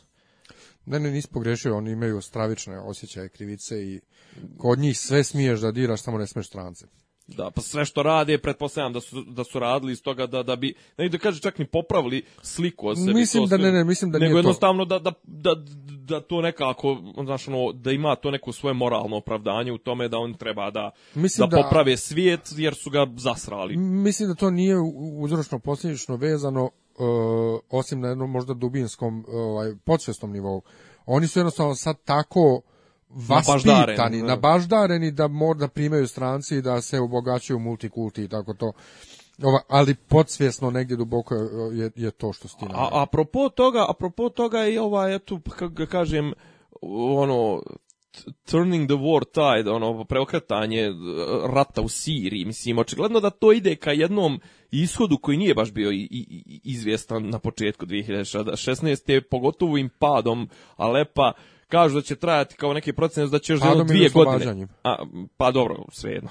A, mislim, padom u ruke ovih oslobodilaca, eto, neka bude tako. Ovaj, ali kažem, znaš, ono, sad mijenja se, mijenja se potpuno, ovaj, mijenja se tamo slika, e, Rusi su podržali Asada, vojska sirijska je stala na, na, na, na noge, zauzela je lepo, ili Alep, Halep, e sad šta će Erdogan odlučiti sa svim ovim 3 miliona koje drži u, u, u, u džepu ovoj, u toj partiji preferansa sa, sa evropljanima i Rusima, vidjet ćemo na šta će da izađe, ali to što ti kažeš, ti teroristički napadi, ne znam gdje sam neki, s kim sam pričao, ovaj, znači, možda čak i s tobom, znači, teroristički napad, kad izazovu strah, terorist, terorista, je, terorista je uradio svoj posao. Znaš, da, jednostavno, sjeti se samo kako smo išli u Evropu, kako smo putovali u Parizu, u Berlinu, ne znam, nija 2000. te 2010. i kako ih putujemo 2016. Tako da, ovaj, nažalost, ja i tim pretpostavljam da nećemo dočekati neko, neku relaksaciju u smislu toga da će stalno da se podiže ta, to sad zvučim kao internet paranoici, da se podiže ta bezbedonosna, bezbedonosni nivoji e, pratnja, praćenje, surveillance, pičke materne, znaš, onaj, pratit će nas sve, na sve moguće načine, NSA, CIA, Snajka, CIA, tako da jebal sam ti teroristi, jebal sam nam nano i... Jes, nek puše kuraci. Naravno. E, skoro je kraj, skoro kraj, ali... Da, da se raziđemo u tužnom tonu. Da se raziđemo baš u tužnom tonu, jer takva je godina. 2016. godina, kažu godina smrti umjetnika i poznatih, kaže, odoše sve umjetnici. Ja kažem, pa to je samo zato što njima izvještavaju o ovim svim običnim ljudima koji umiru, niko ne izvještava. Ali 10. godine stvarno ogroman broj tako tih nekih poznatih. Ma nije ogroman broj, nego, nego, nego dolaze na naplatu, dolaze pisaca, na naplatu ljudi koji, nama, koji nama znače nešto. Pa dobro, ali imaš ovih koji su umrli, kojima stvarno još nije bilo vrijeme. Ima, ali ovaj... čekaj, umro je Fred Astaire prije 30 godina, 50 godina, značilo nešto tada. Ti nisi gledao te filmove? 30 godina, pa A? nije mi značilo, da. Uh, nego najnovija žrtva, inače 2016. potencijalna Miki Evremović imao je moždani udar sinoć. Ujevot. Tako da nije još Baš je krenula godina. Mislim, ne, godina ne da se do zadnjeg dana. To, to, to. Tako ja mislim da ćemo 31.12. uveče čekati da odbrojavati ovaj, ko, će, ko će da umre. Ali mislim da su I onda, prvo, I onda prvo kad pandrkne jedno troje, onda ćemo biti pa kao, to, evo, to, fuck. to. Ali meni je samo smiješno što ljudi misle da sad će 2017. biti bolja. Ja mislim da će biti samo sve gore i gore, će se više više znači i dole umret. Ali od svih koji su umrli, riješili smo da odaberemo opet svaki, svaki po troje smrti koje su nas najviše pogodile, ja tvoje. Pa ajde, neka bude hrono... Ah, će biti hronološki. Moji su nešto, ovaj... Moja je prva polovina godine. ovaj, Bowie je nešto rano umro, je li tako? Isto? On je u januaru. U januaru. A vi, ja ne mogu da vjerujem da on umro u januaru, jer to kod da juče je bilo. E, ne znam, nije boga meni, eto kad, kad mi rekoš recimo da je, ne znam, Bowie je u januaru i recimo Duško Korać dvi, je umro pred, e, ok, jeste, umro negdje između nove godine i, i Božića pravoslavnog i znam da je bila frka kao wow sad ne može RTS da reprizira svoj novogodišnji program zato što on učestvuje u njemu naravno to njih nije sprečavalo on su vrtili te snimke će se on vidi Duško Korać sportski komentator vrlo jedna specifična pojava mislim koliko je znao da nas nervira svojim komentarima onim očka kao ruske breze i ne znam, pogledajte to. Sveti Nikola i to. Gipko to, telo, Sveti Nikola, pobjeda, farma, pobjeda prirode nad farmacijom, ovo ono. S druge strane, Uh, ovi sadašnji, ja možda ću malo zvučati, onaj, brutalno i možda dosadan sam sa tom temom ti sportski komentatora, zato što, jel ja, ovaj, sam nešto svoje vremeno prčko po toj profesiji, Ovaj, ovi su, toliko su svi na šablon, toliko su svi izvješta, izvještačeni, toliko smaraju nepotrebnim podacima, a ne razumiju sport koji, kojim se bave. Toliko su to neki ono internet robotski komentatori da je Duško Korać je predstavljao dah svježine i on je to znao i on je konstantno podjebavao ove svoje kolege, te internet komentatore, statističare, znaš, njegova je bila čuvena izjava kao kad god kritikuje što ih RTS ne šalje na lice mjesta. Uh, komentariše recimo četiri novogodišnje skakaonce i sad skoči ne znam u Oberstdorfu ili Garmisch-Partenkirchen skočio je 132,5 metra. Ne vidim baš najbolje, ne vidi se iz košnjaka najbolje koliko je on skočio u Garmisch Partenke.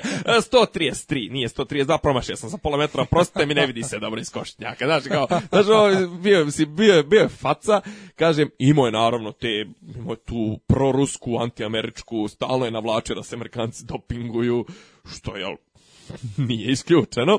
Ovaj malo smo pričali o tome i kaže nekako mi on nije za mislim baš ono kapiraš prvo čovjek sportski novinar, druga stvar vese, treća stvar on je nešto pao, nema pojma pa se to zakomplikovalo. I nešto imao 60 godina, nije to neka velika. I kaže meni general, generalno strašnije su mi te smrti e, malo nenadanije nego, nego ove, zato recimo nisam stavio Koena na listu jer jebe ga 82 su 82, tako da eto. E, ja obično na, na face ne kačim nikad kad neko poznat umre, e, jer kad bilo ko umre zapravo, jer jednostavno ne znam, glupo mi je, to praštanje ovaj, na, na fesu, pa ne, praštanje na fesu od nekog koji umru, pogotovo ovaj celebritija, jel Jadranka Stojaković umrla ove ili prošle godine? Pa, mislim da je ove. Mislim da je ove. Ja sam samo napisao bio, kada je ona umrla, hvala. Eto i nju sam danas slušao u toj emisiji uh, što je pevala ima neka tajna veza. Pa to napisao sam e, bio hvala što sad ne kačite svi ovaj pjesme njeni ne pravite se da se Ja Dranko Joksmović. uh, e, pjesma, bože pjesma. Mene jedna, mislim, mene nije Bovi pogodio uopšte, ja Bovi, niti nit sam slušao i ono što njegovo što znam ne sviđa mi se, tako nisam ga nikad volio. Princa isto nikad nisam slušao. Koji ti je kurac? Hm? Koji ti je kurac? Da sam... što, što mi razbijaš? Što, što, što ti uskačeš men sad u...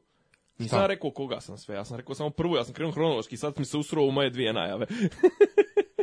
pa i ti smo malo prepomenuo Bovi, ja mislim. Pa ne, rekao sam, pa rekao sam obrazložit ću zašto mi je Bovi.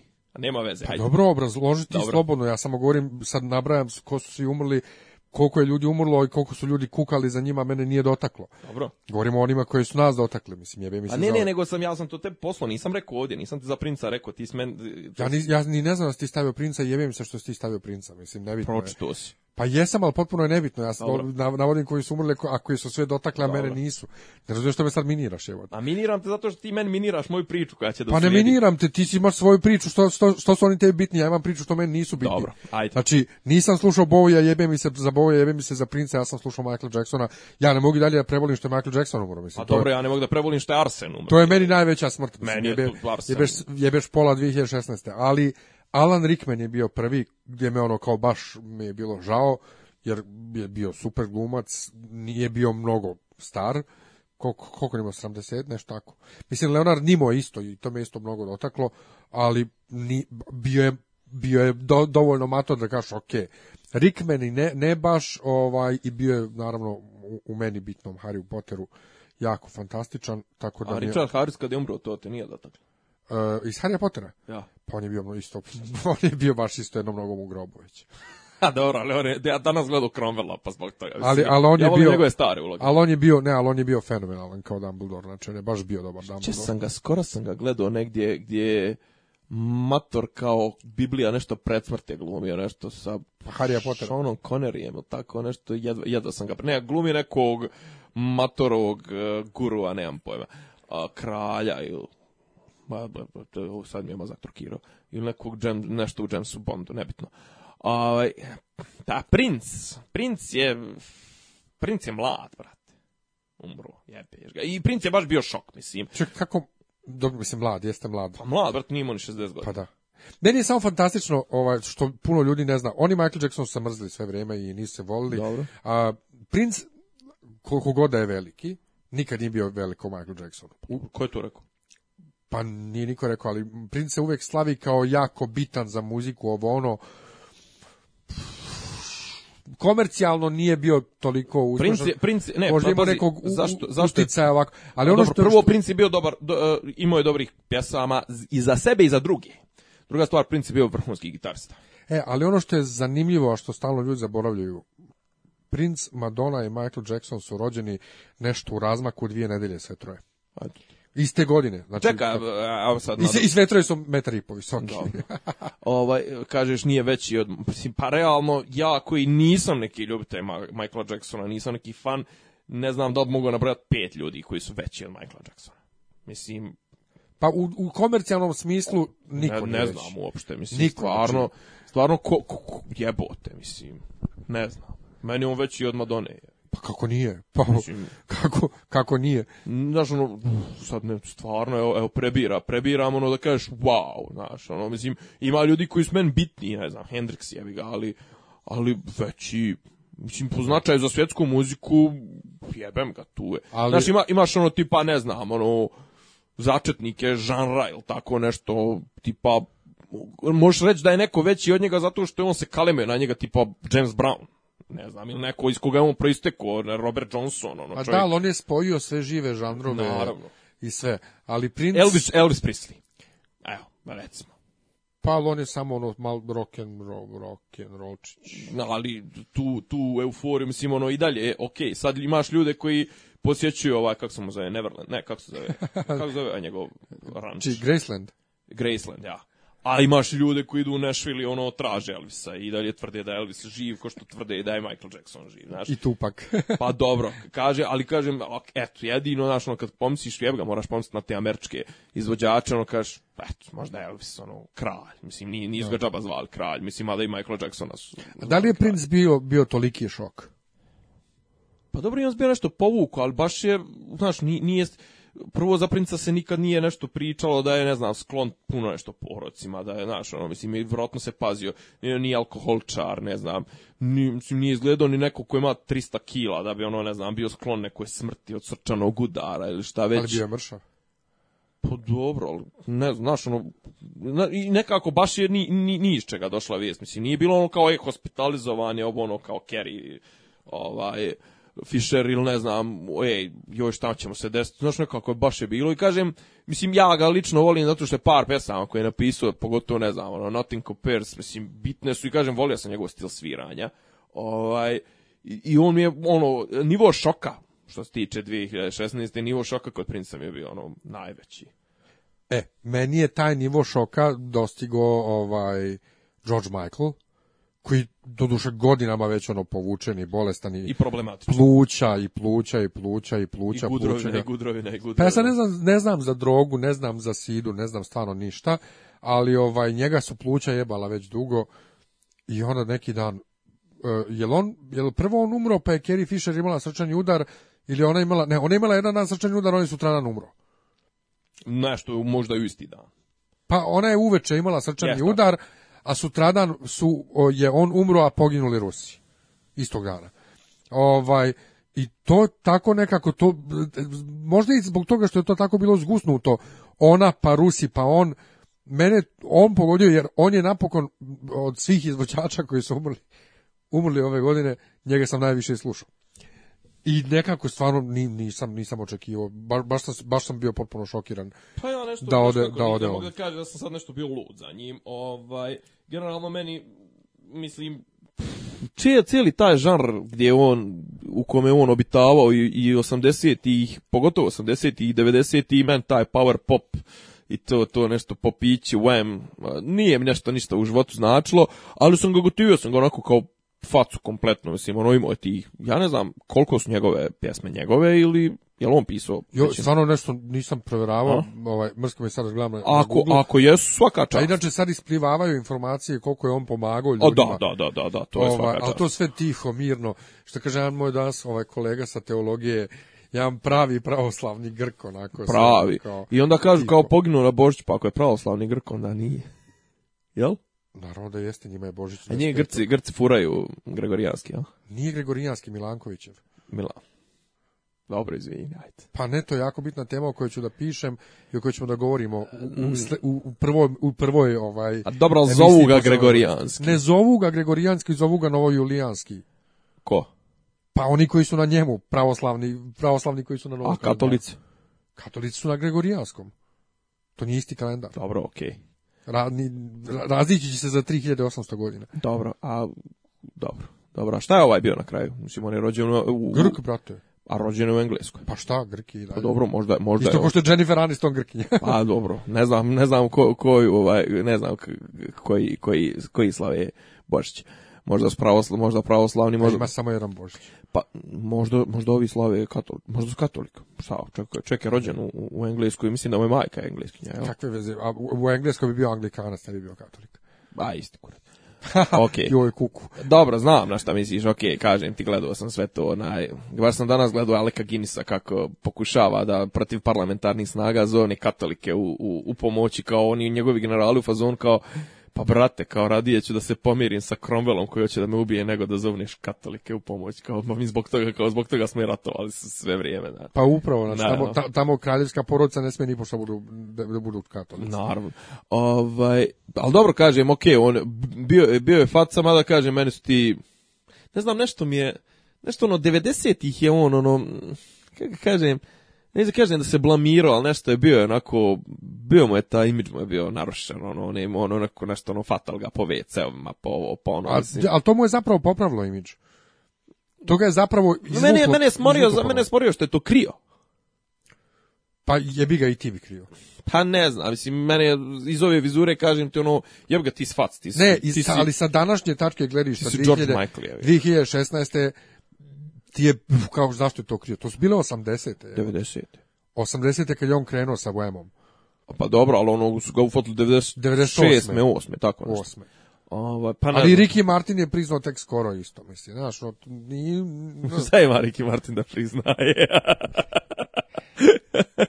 ko je sljedeći? Ko, ko je tvoj sljedeći? Pa dobro, kažete, Bowie je, mislim, Bowie je Bowie je velik. Nije velik u smislu... Opet nije velik kao Michael Jackson. Nije velik u smislu Michaela Jacksona, ali je velik za, za istoriju muzike, zato što Bowie, kako ga kažem, Bowie je obrano igrcu.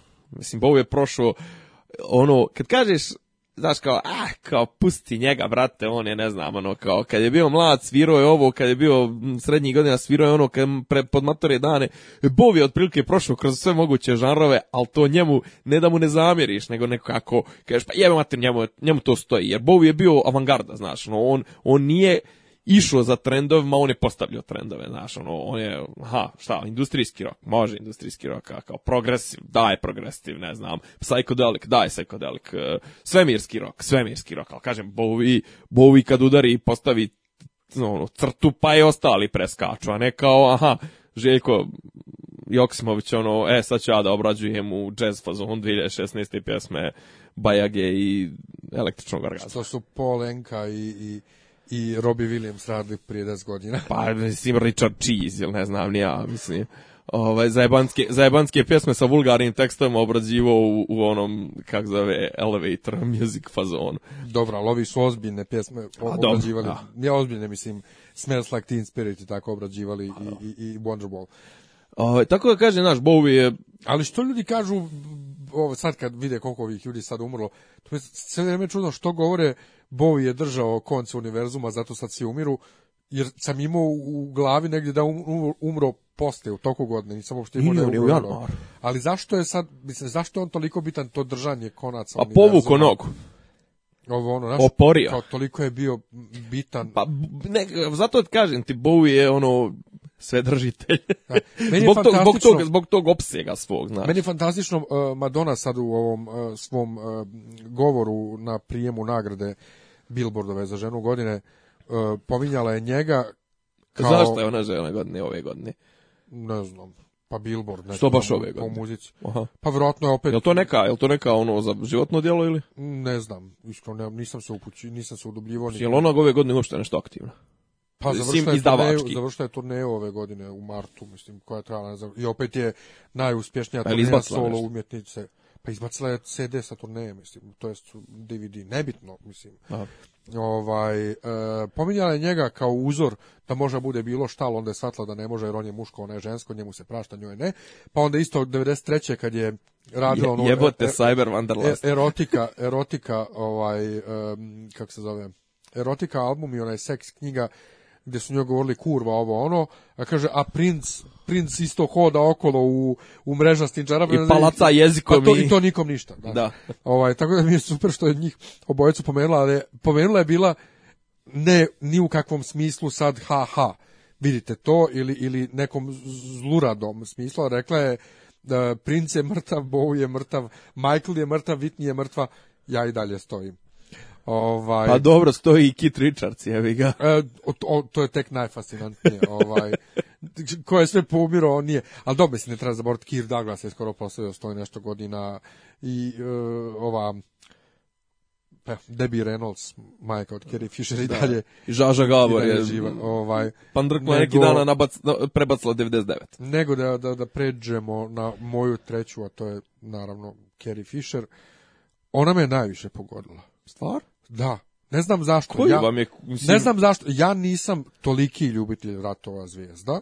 Niti ona neka glumica. Jer sam ja prvi put to gledao prije 10 godina i nisam oduševljen s originalnom trilogijom jer bez veze mi je snimljeno, glum, oni nisu neki glumci tu. Niko tu nije Dijalozi, uh, tu je evoksi, Ale, Gins jedini glumac. E, evoksi u šestoj se ovoj epizodi su mi be. A dobro, se, bolji međutim, su nego Jar Jar Binks. U, u... Međutim, ne ne, isto mi je, podjednako mi je govno. Um, međutim, e, ona je mi je vrlo draga zato što je tako otvorena o svemu. Što je otvorena bila oko svoje borbe s drogom, s alkoholom, o uh, borbi sa slavom. O Znam ja što je ona te draga. Zbog onog njenog dijaloga sa Madonom iz početka 90-ih, jel? Ne znam to uopšte. Nemoj zajebao. Tu najbolji, mislim da ona, ona, ona intervjuši... Intervju za Rolling Stone. Prate, znači, danas to sam je totalno to. ludilo. Danas sam otvorio to. Znači, danas sam to otvorio. Ovaj, o da pročitam, seksu, još ovom, nisam pročito, ono, ali ovaj, fenomenalna je, otvorena je, iz, bila je vrlo smiješna i zabavna. Meni, ona, mene, ona, ona je uvijek delovala kao neko kao bila neko... otvorena oko tog bipolarnog poremećaja. E pa to, ona je meni uvijek djelovala kao neko ko ima neke teške probleme. Mislim ja nisam toliko ni znao. Nisam toliko ni znao, ali je delovala kao izmučeno stvorenje. Mislim ja se nje sjećam iz e, Blues Brothers. Ona je pogled luđakinje, brate, ono nije gluma. Pa da, ali, ali zamisli ludilo u kojem je ona rasla.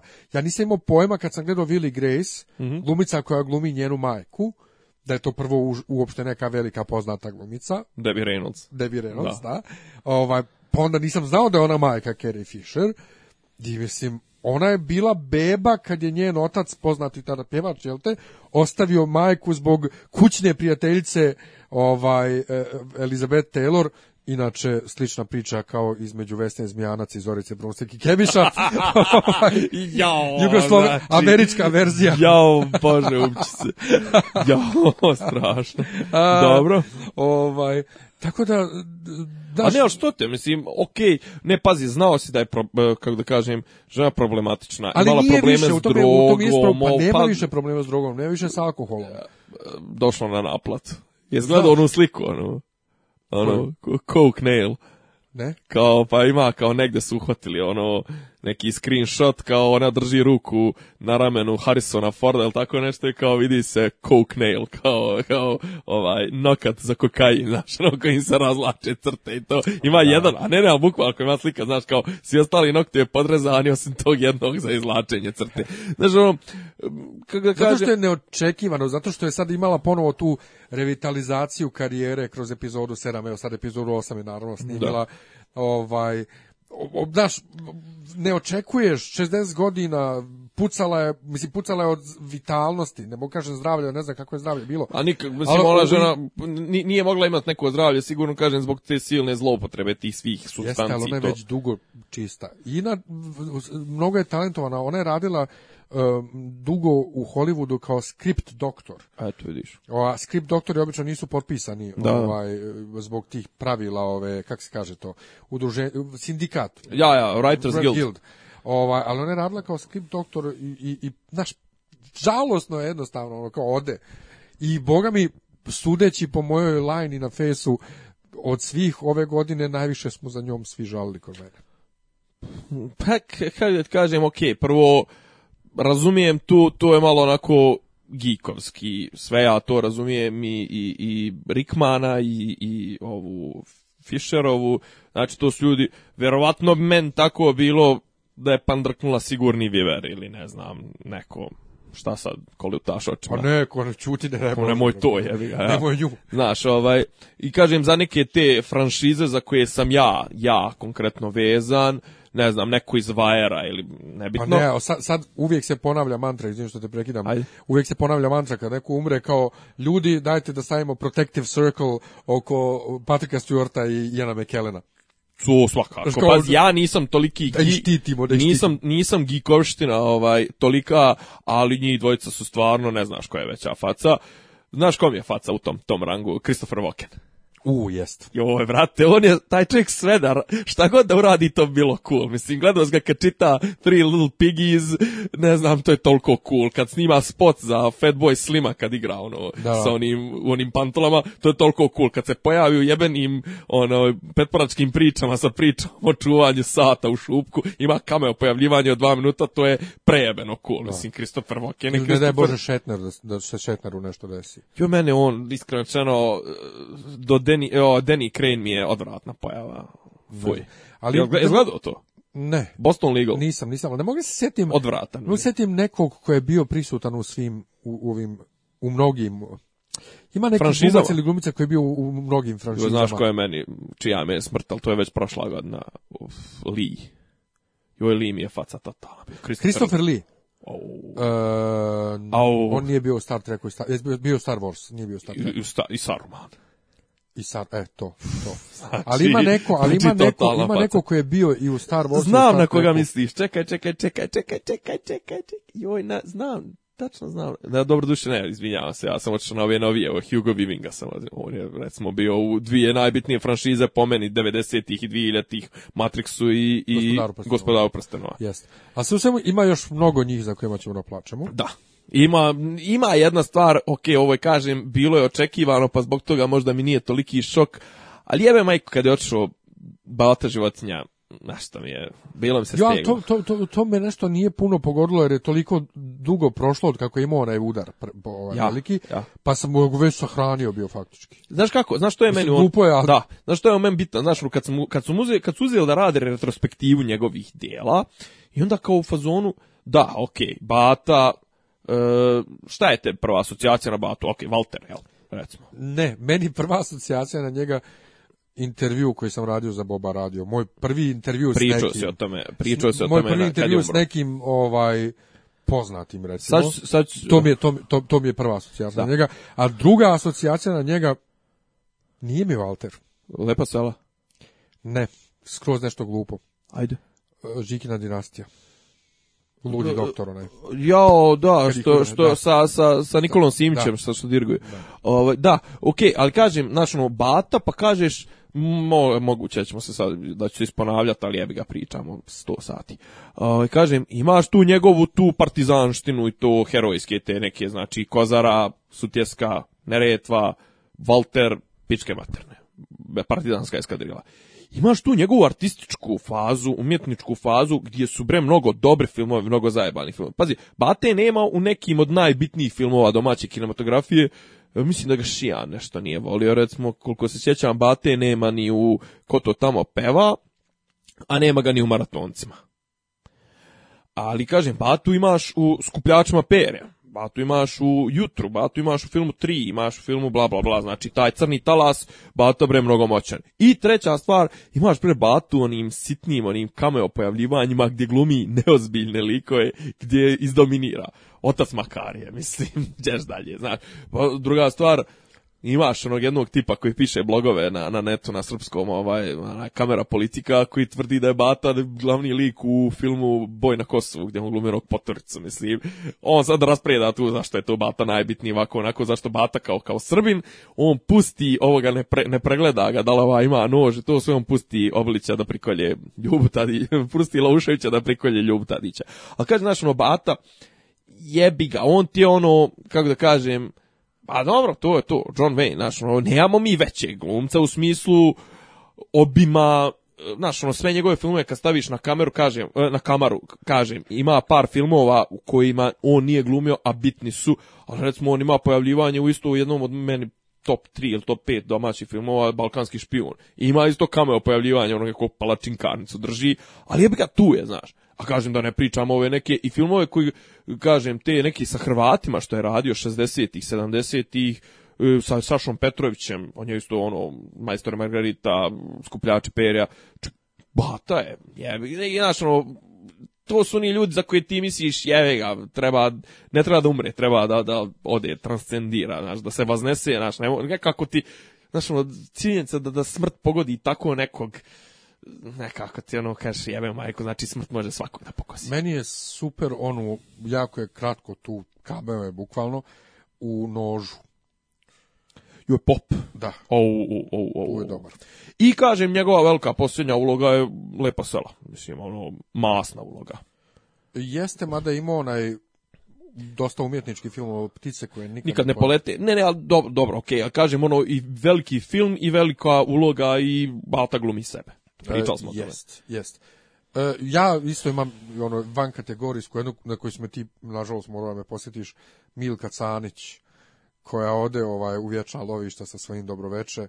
Ona je davno se razbolila nešto od kičme i onda je više nije bilo na RTS-u na, na slagalci. Pa nešto se kao vratila. pojavljivala, nemam pojma, ja sam bio u slagalci proljeto si kao čulo se nešto tipa ona negdje sjedi tamo negdje u, u, u, u, u u ofu, ono kontroliše kao kako voditeljke izgovaraju, kako ovo, kako ono, znaš, kao bila je i dalje supervizor, kažem, bila aktivna, to je neki maj? Ili tako nešto? Ne, Mart je bio, izvinjava se, emitoano je za, za, za katolički božić. Milka, pa Milka. dobro ti s Milkom ja sam družio. Ja da se družio.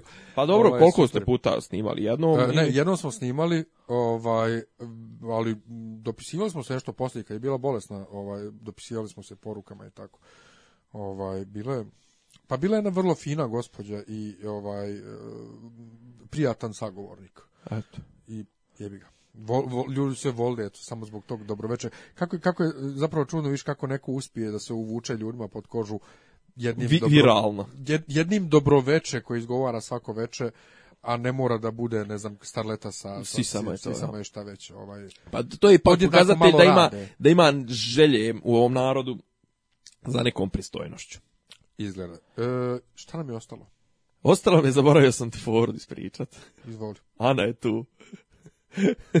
umjetnik je tu. Znači, trebalo samo neku instalaciju da naprave Marine Abramović ili tako nešto, a ne Brnabić da bude umjetni ministar je tu ili e, tako nešto. Treba, treba uzeti jedno, jedan od ovih, ovaj, kak se zove, e, frame ili, ili sliku iz filma umjetnik je prisutan. Mm -hmm. gdje Marina, kako sjede, kako sjede jedna spram druge. Sa, preko puta ulaja, ili tako Jed, Ne, ne, jedna spram druge, Marina, e, pa to. Marina i Jana. to, umjetnik. I da, piše, da, da Marini iznad glave piše umjetnik je prisutan, a Ani iznad glave, Ana je ministarka, prisutna. Ana je prisutna, Ana je tu. Ovaj, to, to, to treba, ajde, ako neko umije to da napravi, nek napravi pa nek vam pošalje. Uh, šta nas, hoćemo da se bavimo, šta nas očekuje sledeće godine ili ćemo da jednostavno... Majak, ne znam, ne, kažemo ne zna, no, ne zna noć šta dan sprema. Mi se čujemo već sljedeće nedelje, znači odmah posle nove godine, jel da?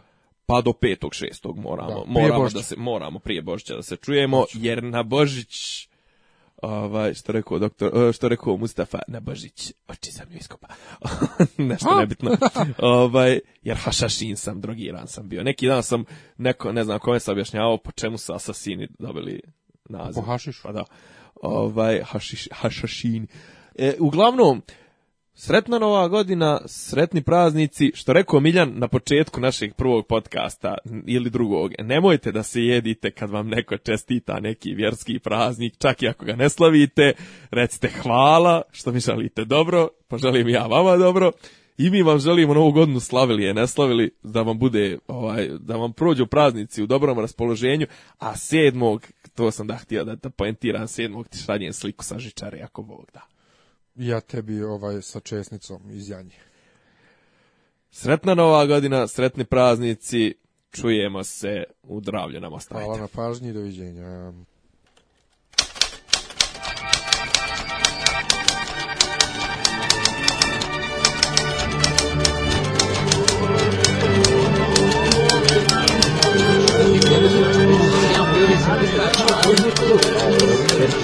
Rodati Seydu Tokma Seydu Tokma Ona bize Seydu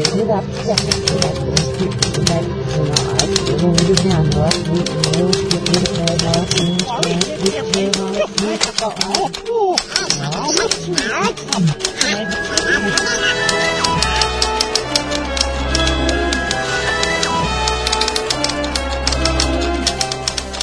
Dopisi iz Disneylanda. Tišina tamo, ništa mi nije smešno.